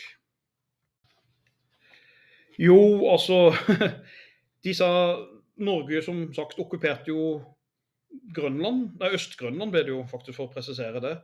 Og en del av de nordmennene var jo ganske sjuke og kalde på Grønland. Litt fun Mm. fact der. De, de måtte De stjal akevitt av danskene for å klare seg mot vinterkulda. Liker du akevitt? Ja, jeg er 18, så jeg har ikke noe personlig mening om det ennå. Veldig godt svar. Det var jo politisk godt svar. Mm. Hold deg unna. Hold deg til cola. Eller du tar jo helt av med Pepsi Max. Eller? Ja, å, Pepsi Maxen er for god. Ja. Mm. Ja, og men så, vinter, så, så er det jo klart at det blir jo veldig mye press fra andre partier. Uh, uh, og litt sånn, så valgte jo regjeringa mot Kolstads vilje faktisk å støtte okkupasjonen av Øst-Grønland. Mm. Det var ikke noe han ønska seg. Så han, fikk jo, han sleit jo litt i utenrikspolitikken nå, denne fyren. Ja, det er helt klart at det var flere ting han sleit med enn bare utenrikspolitikken. Hvordan var helsa? Ja, det er sant. På slutten av perioden. For at han i 1932, i januar, så begynte han å bli sjuk. Og så ble han innlagt på sykehus. Eh, og han, eh, han døde jo da faktisk av blodpropp. Mm. Eh, og eh, da ble jo på en måte regjeringa etter hvert omdanna. Da. Og da kommer jo en ny statsminister inn som vi sikkert skal snakke om neste gang. nå, Det er han Jens Hundseit fra Bondepartiet han nå. Mm. Og kommer inn og tar uh, Styringa. styringen, ja. Mm. Ja. Ja, da er vi jo tilbake til eh, Eller vi fortsetter jo med trenden med statsministre som er der i korte perioder. Da er det jo bare for deg å gi terningkast, Mone. Det er terningkast. Det er terningkast. Det blir ikke høyt denne gangen heller. Terningen slår ut på to. Ja. Eh, fin fyr det her, tror jeg, når jeg leste om han, men eh, det hjelper ikke noe. For han leda en veldig svak mindretallsregjering. Eh, og hadde streiker og opptøyer i fanget. Eh, Vidkun Quisling som forsvarsminister, hallo! ja. Dette er karakteren To. Ja, han skal få en toer. Rett og slett en toer. ja, ja. Han får ikke noe mer. Ja, må, må vi gjøre sånn som Magne sier, vi må se den røde linja i dette her. Det er jo klart at de som har fått lite til, de ligger lavt, eh, Ja. for å si det sånn. Så, Når vi vurderer dette, her, så er det klart at du må jo få til ting politisk, og da er du Mm. avhengig av flertall. Sånn er det Ja. jo, og det er du mindretall, så er det vanskelig i politikken. De sitter jo korte perioder, økonomisk krise. Men når vi kommer forbi eh, 40-åra med Gerhardsen og gutta, så endrer ting seg. Da skal vi litt høyere på terningkastet, tenker jeg. da er det jo veldig lite Da sliter de veldig lite med Ja. flertall, for å si det sånn. Mm -hmm. Men eh, for å si det, vi er jo fortsatt på 30-åra, så da er vi jo tilbake til eh, samme slit igjen med Jens Hundseid.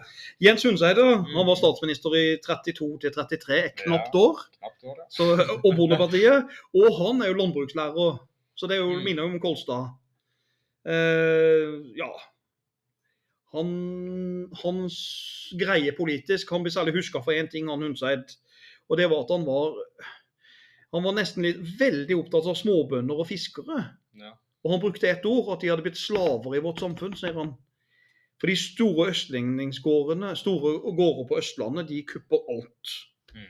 Rett og slett monopol. Ja, det var det han mente. At du måtte beskytte små gårder i Norge. eh, og da er vi nesten som Senterpartiet i dag, opptatt av de her små distriktene, små Mm. gårdene. Ja. Ja, Litt av bakgrunnen til Jens Hundseid, da. ja, han ble jo For det første ble han jo kalt kastevinden politisk. Han skifta meninger så ofte. Ja. Han var litt sånn feig. litt sånn, eh, Hvis noen mente noe annet, så bytta han fort meninger. Det det er det vi kaller populisme. Ja. Så han er kanskje en tydelig populist. Men han var jo da Ja, han var gift med sin Martha. Han var jo en eh, rogalending. Mm. mener jeg på. Og eh, ja, vokste opp i Ja, han gikk, på, han gikk vel på Stavanger amts eh, landbruksskole. Og så gikk han på en skogskole, ble det kalt den Ja. gangen, i Kongsberg. Skogskole, faktisk noe som Mm. het. Eh, og han ble folkehøyskolelærer eh, og, og i geologi og jordbrukslære på Landbrukshøgskolen, faktisk. Mm. Og så, studerte han England, eh, altså studerte landbruk i, i Skottland og England. Mm. Tenk på det. Det er ikke mange som gjorde. Den skal han ha. Så drev han gård på si ved siden av sine politiske virksomheter. Mm. Litt sånn som Vedum. Ja. Vedum er jo gårdsbruker ved siden av, ved siden av eh, sin funksjon som finansminister. Mm. Ja, og Spennende å se hvordan historien så har Venstre de har skipsrederstatsministrene, og Bondepartiet har lærerstatsministrene. Ja, Så det, foreløpig er det sånn, ja. mm. Ja. det kommer jo en endring etter hvert, det gjør det jo. Ja. Eh, Men sånn politisk sett, hvordan var Hunseid? ja. Han var jo som sagt eh, Han ble jo medlem av Bondepartiet når det ble stifta i 1920. Eh, og så var han jo veldig opptatt av samarbeid mellom by og land, kan du si. Men igjen veldig veldig opptatt av det at bønder og fiskere må ikke bli slaver. Han brukte ordet slaver, om vi vil lavere samfunnsklasser.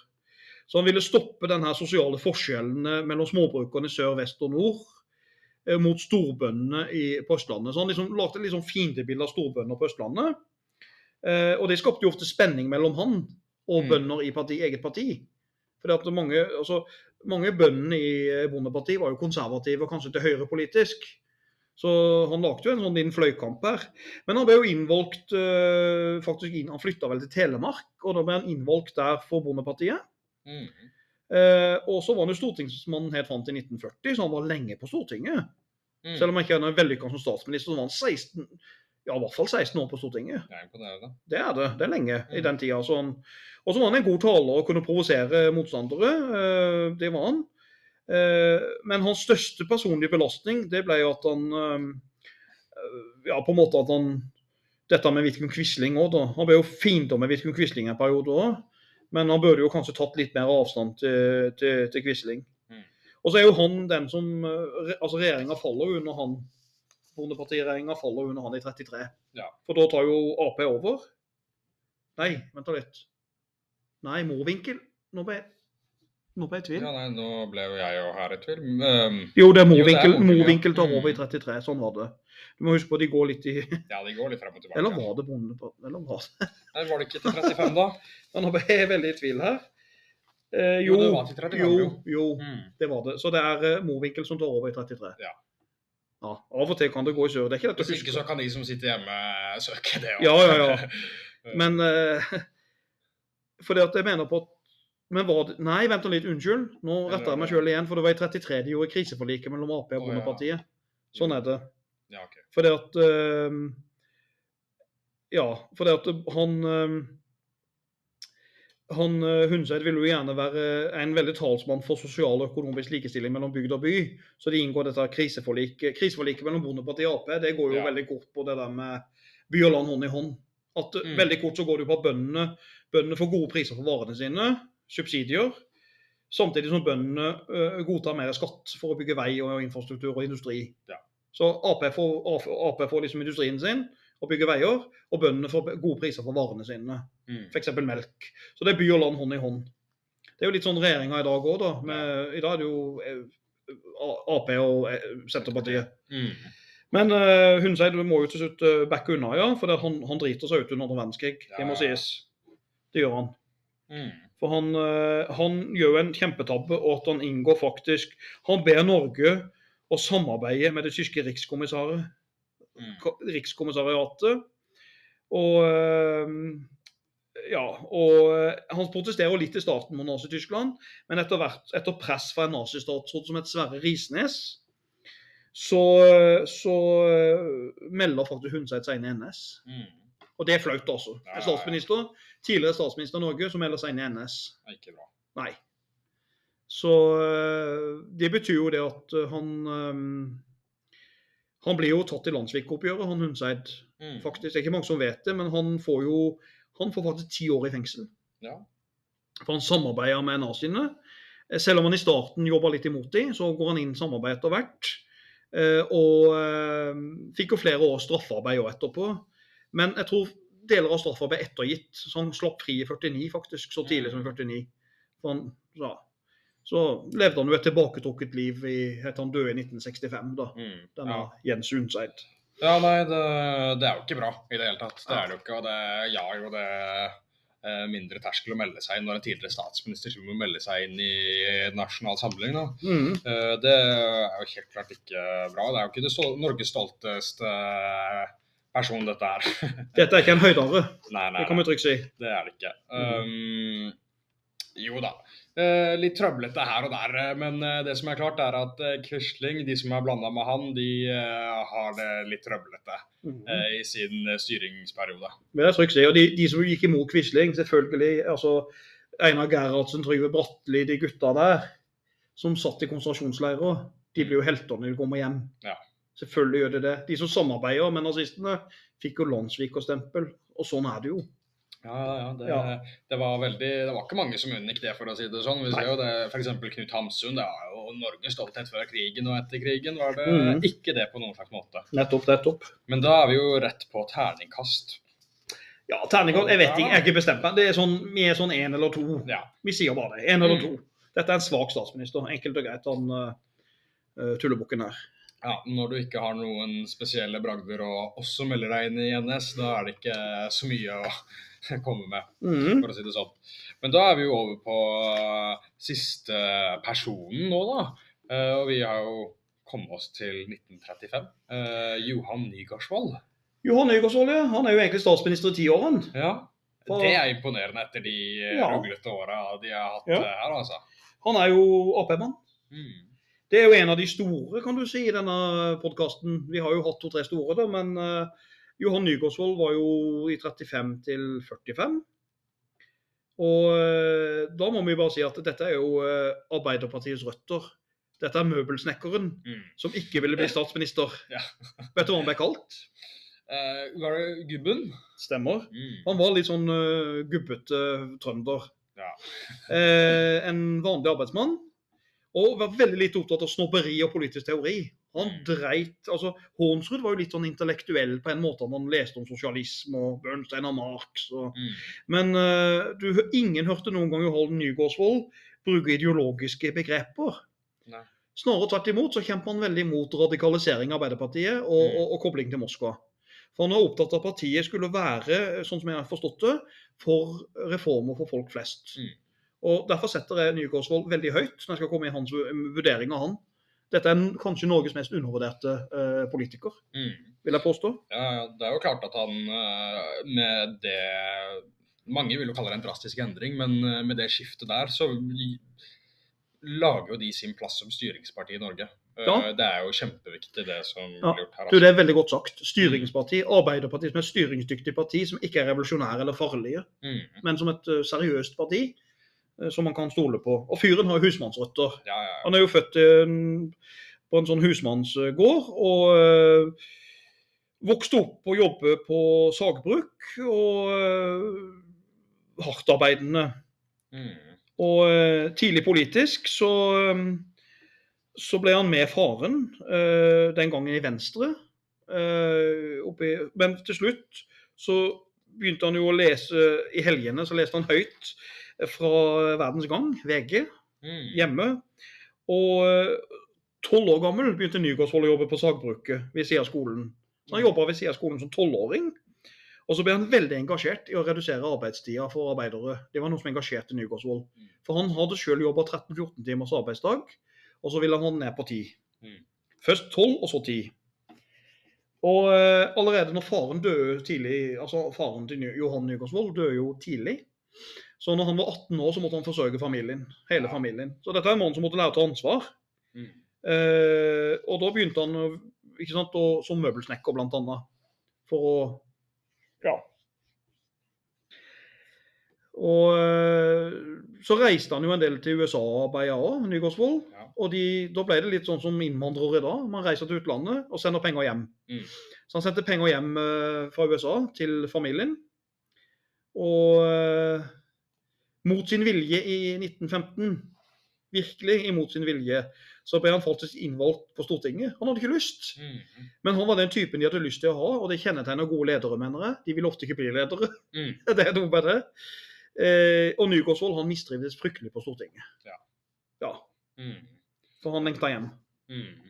Ja, det er jo klart når man blir tvunget inn i en jobb man Ja, ikke har lyst på i første gang, da Nei, for Han var veldig lokal mot Trøndelag. Mm. Litt sånn Vi kjenner det igjen i politikken med han Oddvar Nordli. Som satt i Arbeiderpartiet. Han ville jo hele tida hjem til Stange. mm. Stange Hedmark. 'Jeg vil hjem igjen', sa han. 'Jeg vil så gjerne hjem igjen'. 'Jeg liker til Stortinget, jeg liker skauen'. Han var litt sånn. Eh, du ser det samme med Nygaardsvold òg. Eh, og ehm, ja. Mm. Ja, Som statsminister, da. Det er jo klart at han ikke hadde så lyst til å være stortingsrepresentant i første omgang, så statsminister ser ut til å være et ganske voldsomt skritt. Ja, det var det. For Grunnen til at han er statsminister, er jo at dette er jo en person som, eh, som er en, eh, en ganske brukbar taler og en god eh, politisk organisator. Og i valget i 33 så fikk partiet 40% oppslutning, og det er mye. Og Nygaardsvold ble frontfiguren i partiet. Han var en perfekt frontfigur. Mm. Denne møbelsnekkeren ikke sant? og jobber på sagbruk. Han har perfekt Arbeiderparti-bakgrunn. Noe f.eks. partiet mangler fullstendig i dag. Ja. I dag har de ikke en eneste arbeider i partiet. Nei. Dette er røttene til den klassiske arbeiderbevegelsen. Og i 1935 så får jo Arbeiderpartiet med Bondepartiet og feller uh, Mowinckel's regjering. Mm. Uh, og uh, da kommer det kriseforliket, annet, som, som, man, som jeg snakka om i stad. Der uh, begge partier får litt hver. Mm. Eh, og Nygaardsvold han, eh, han lykkes jo med å forene by og land hånd i hånd. Og eh, man forsøker å gjøre noe med arbeidsledigheten. Det blir jo ganske viktig. Mm. Og faktisk i valg altså Arbeiderpartiet får jo et flertall på Stortinget her. For de får jo Og så ble det Stortinget er det 150 representanter, og Ap og Bondepartiet de får 70 av representantene, tror jeg. Mm. Eh, nei, Ap har 70 alene, Ja, sånn er det. Mm. Og så kommer Så de har et flertall. Ja. De har 70 mot ja, Ap alene. Så til sammen blir det jo et flertall da, med over 90, tror jeg. Mm. Og da kan de gjøre ting politisk. Ja, akkurat det. Sånn politisk, hvordan, eh, hva var det han arbeidet for? Vi kan ta en smørbrødliste. Han sa jo et kjent på trøndersk, så sa han eh, ja, vi skal vise dem at vi kan styre, ja. Vi skal vise dem at vi kan styre, ja. Sikkert sjø. Eh, og det han sa til ministeren er interessant. Han hadde jo noen ministre der. Mm. Noe han sa til det, første han sa til de, det var ikke noe middag eller noen ting. Det sa det er nok å ta, ta, det er nok å ta tak i. Så sa han det er bare å sette i gang. Ja. Enkelt og greit, det var enkel beskjed. Bare begynn på jobb. Mm. Det er bare å kjøre på. Men noe av politikken hans det er jo det berømte, vakre slagordet som jeg er så glad i, 'Hele folket i arbeid'. Mm. Og det er så bra politikk. Hele, alle folk skal ha en jobb å gå til. Ja. Staten skal sikre at folk har en jobb å gå til. For da unngår kriminalitet, og folk får kjøpekraft. Mm. Kjempeviktig politikk å få vekk arbeidsledigheten. By og land hånd i hånd. Samarbeid mellom by og land. Det er noe. Kriseforliket, selvfølgelig, som jeg nevnte i stad. Jeg nevnte tre ganger. Ja. Og så bygger man industristeder i Norge. Man Mm. bygger mye aluminiumsindustri. Altså Mo i Rana f.eks. Ja. Eh, flere steder blir det bygd, bygd industristeder. Man får på plass arbeidsledighetstrygd, iallfall noe. Mm. Og man får ni dagers lovfesta ferie. Hipp hurra, det var mye den gangen. Ja, ja, ja. Eh, arbeidsdagen kommer. Ja, der skjer det ting. Mm. Det skjer ting. Og så får man jo den berømte hovedavtalen i Norge mellom LO og NHO. Helt riktig, min gode venn. Mm. Og så du får et samarbeid, og dette er unikt i Norge, du får et samarbeid mellom arbeidere og næringslivet. Mm. Og Hovedavtalen sier jo det at eh, jo, jo, jo, dere skal få gode lønninger, men lønningene må ikke være for stive, for da taper vi kamp mot utlandet Ja. I arbeidskraft, altså konkurranse. Så man samarbeider, og det har jo vært en suksess for Norge. Mm. ikke sant? At vi har faktisk fått samarbeid. Og 1. mai blir jo den offisielle flaggdagen for Ja, arbeiderne. ja. Mm. Ja. Stor seier for Arbeiderpartiet. ja, ja, ja, det vil jeg si.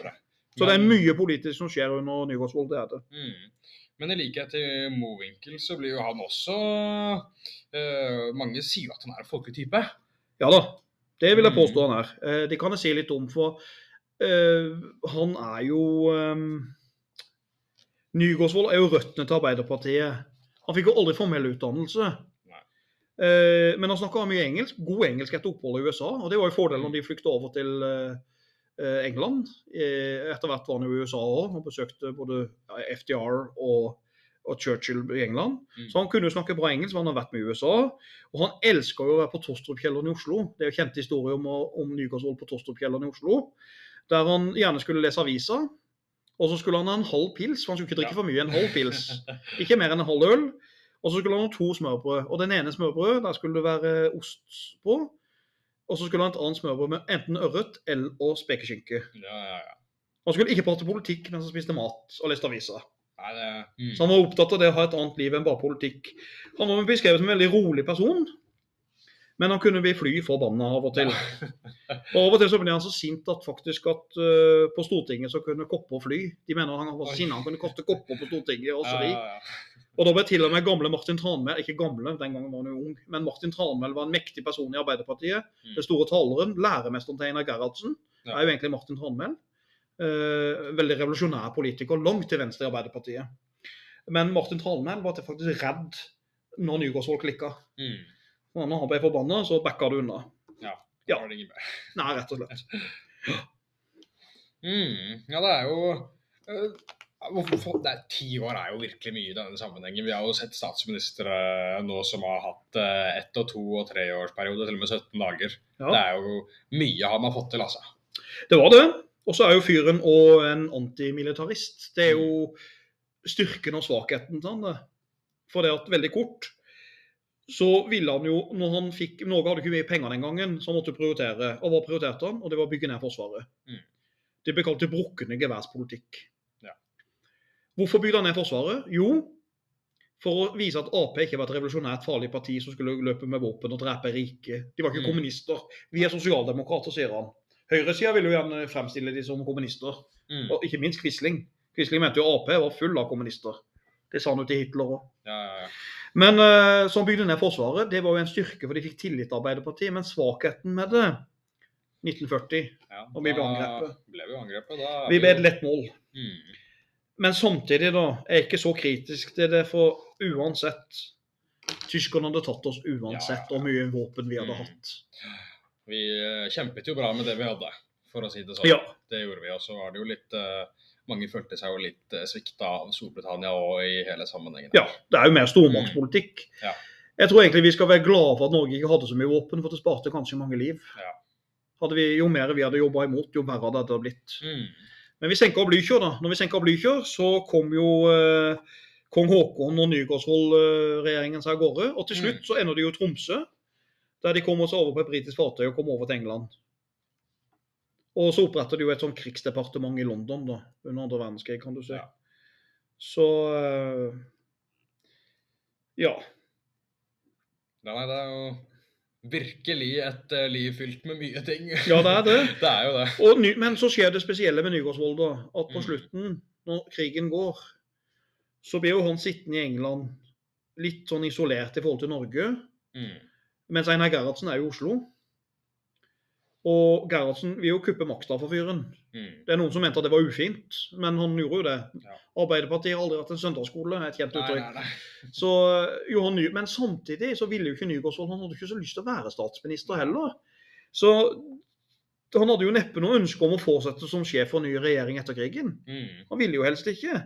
Men han ga uttrykk for at han var skuffa når han kom tilbake over måten han ble behandla i Arbeiderpartiet på. Mm. For der plutselig så hadde da Gerhardsen eh, omtrent eh, tatt makta uten å rådføre seg med Nygaardsvold. Mm. Eh, og eh, det var jo egentlig lagt opp til at eh, at han skulle møte kongen når han kom hjem, men da var det på en måte Gerhardsen som eh, Gerhardsen og en som het Pål Berg som skulle gjøre det. da. Ja. Så de hadde liksom tilsidesatt han litt. Grann. Men den gangen så grep stortingspresident Hambro inn. Mm. Gode gamle Hambro. Og han sørga for at Ån Nygaardsvold slapp til med noen ord når de Mm. møtte kongen. Så ikke bare Einar Gerhardsen kuppa hele showet der. Mm. Men igjen, Einar Gerhardsen er en stor statsminister. Kommer til han neste episode. Men han Mm. kuppa jo makta fra Johan Nygaardsvold. Det gjorde han. Ja, ja, ja. Det var jo en klassisk kupp. Ikke så hyggelig for å si det akkurat sånn. Nei, nei, nei. nei, nei. Eh, men sånn går sin gang. Det er jo ikke lett å være statsminister, og det er jo mange som ønsker denne posisjonen. Det Eh, det. Men det er jo klart at er man eh, statsminister i ti år, så har man jo gjort noe riktig, for å si det sånn. Man har nok det. Man har nok det. Eh, Men da er vi jo på den aller siste terningkast. Den aller siste terningen. Vi ruller, og den havner tilfeldigvis på en femmer. Ja, ja, ja. Vil, det er ikke alle som er enig med meg her, da. Men jeg vil jo, jeg syns jo at Nygaardsvold er en stor og undervurdert statsminister som bygger velferd uten oljepenger. Det er viktig å få frem. Mm. Han bygger uten oljepenger. låner penger og bruker Keynes økonomiske politikk, at staten skal bruke penger i krisetider for å få ned arbeidsledigheten. Kritikk, ja, han bygde ned Forsvaret. Eh, men samtidig så ble jo Arbeiderpartiet sett på som et styringsdyktig parti, som du sa så godt, Mm.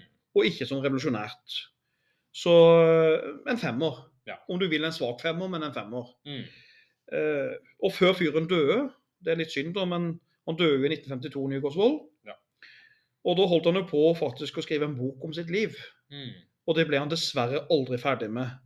Så hans erindringer fra krigen, fra andre verdenskrig i London og alt dette her, møtet med Churchill og Roosevelt, det har aldri blitt helt ferdigskrevet. Nei. Men det ble utgitt etter hans død, men det ble aldri ferdigskrevet. Nei. De redigerte det litt, Mm. valgte å utgi det, men det ble aldri ferdigskrevet. Så vi har aldri hørt Nygaardsvolds historie helt. Nei. Skulle vi gjerne gjort. Mm. Helt enig. Ja. Mm. Mens vi har hørt veldig mye om Gerhardsens historie Ja. i konsentrasjonsleir, som vi kommer ja, til. ja, ja. Sånn er det å bygge nasjonens tillit. Ja, absolutt. Politikk handler om makt. Mm. Det var så Mm. bra. Da var vi jo eh, gjennom det. Da var vi ved veis ende i første Mm. del.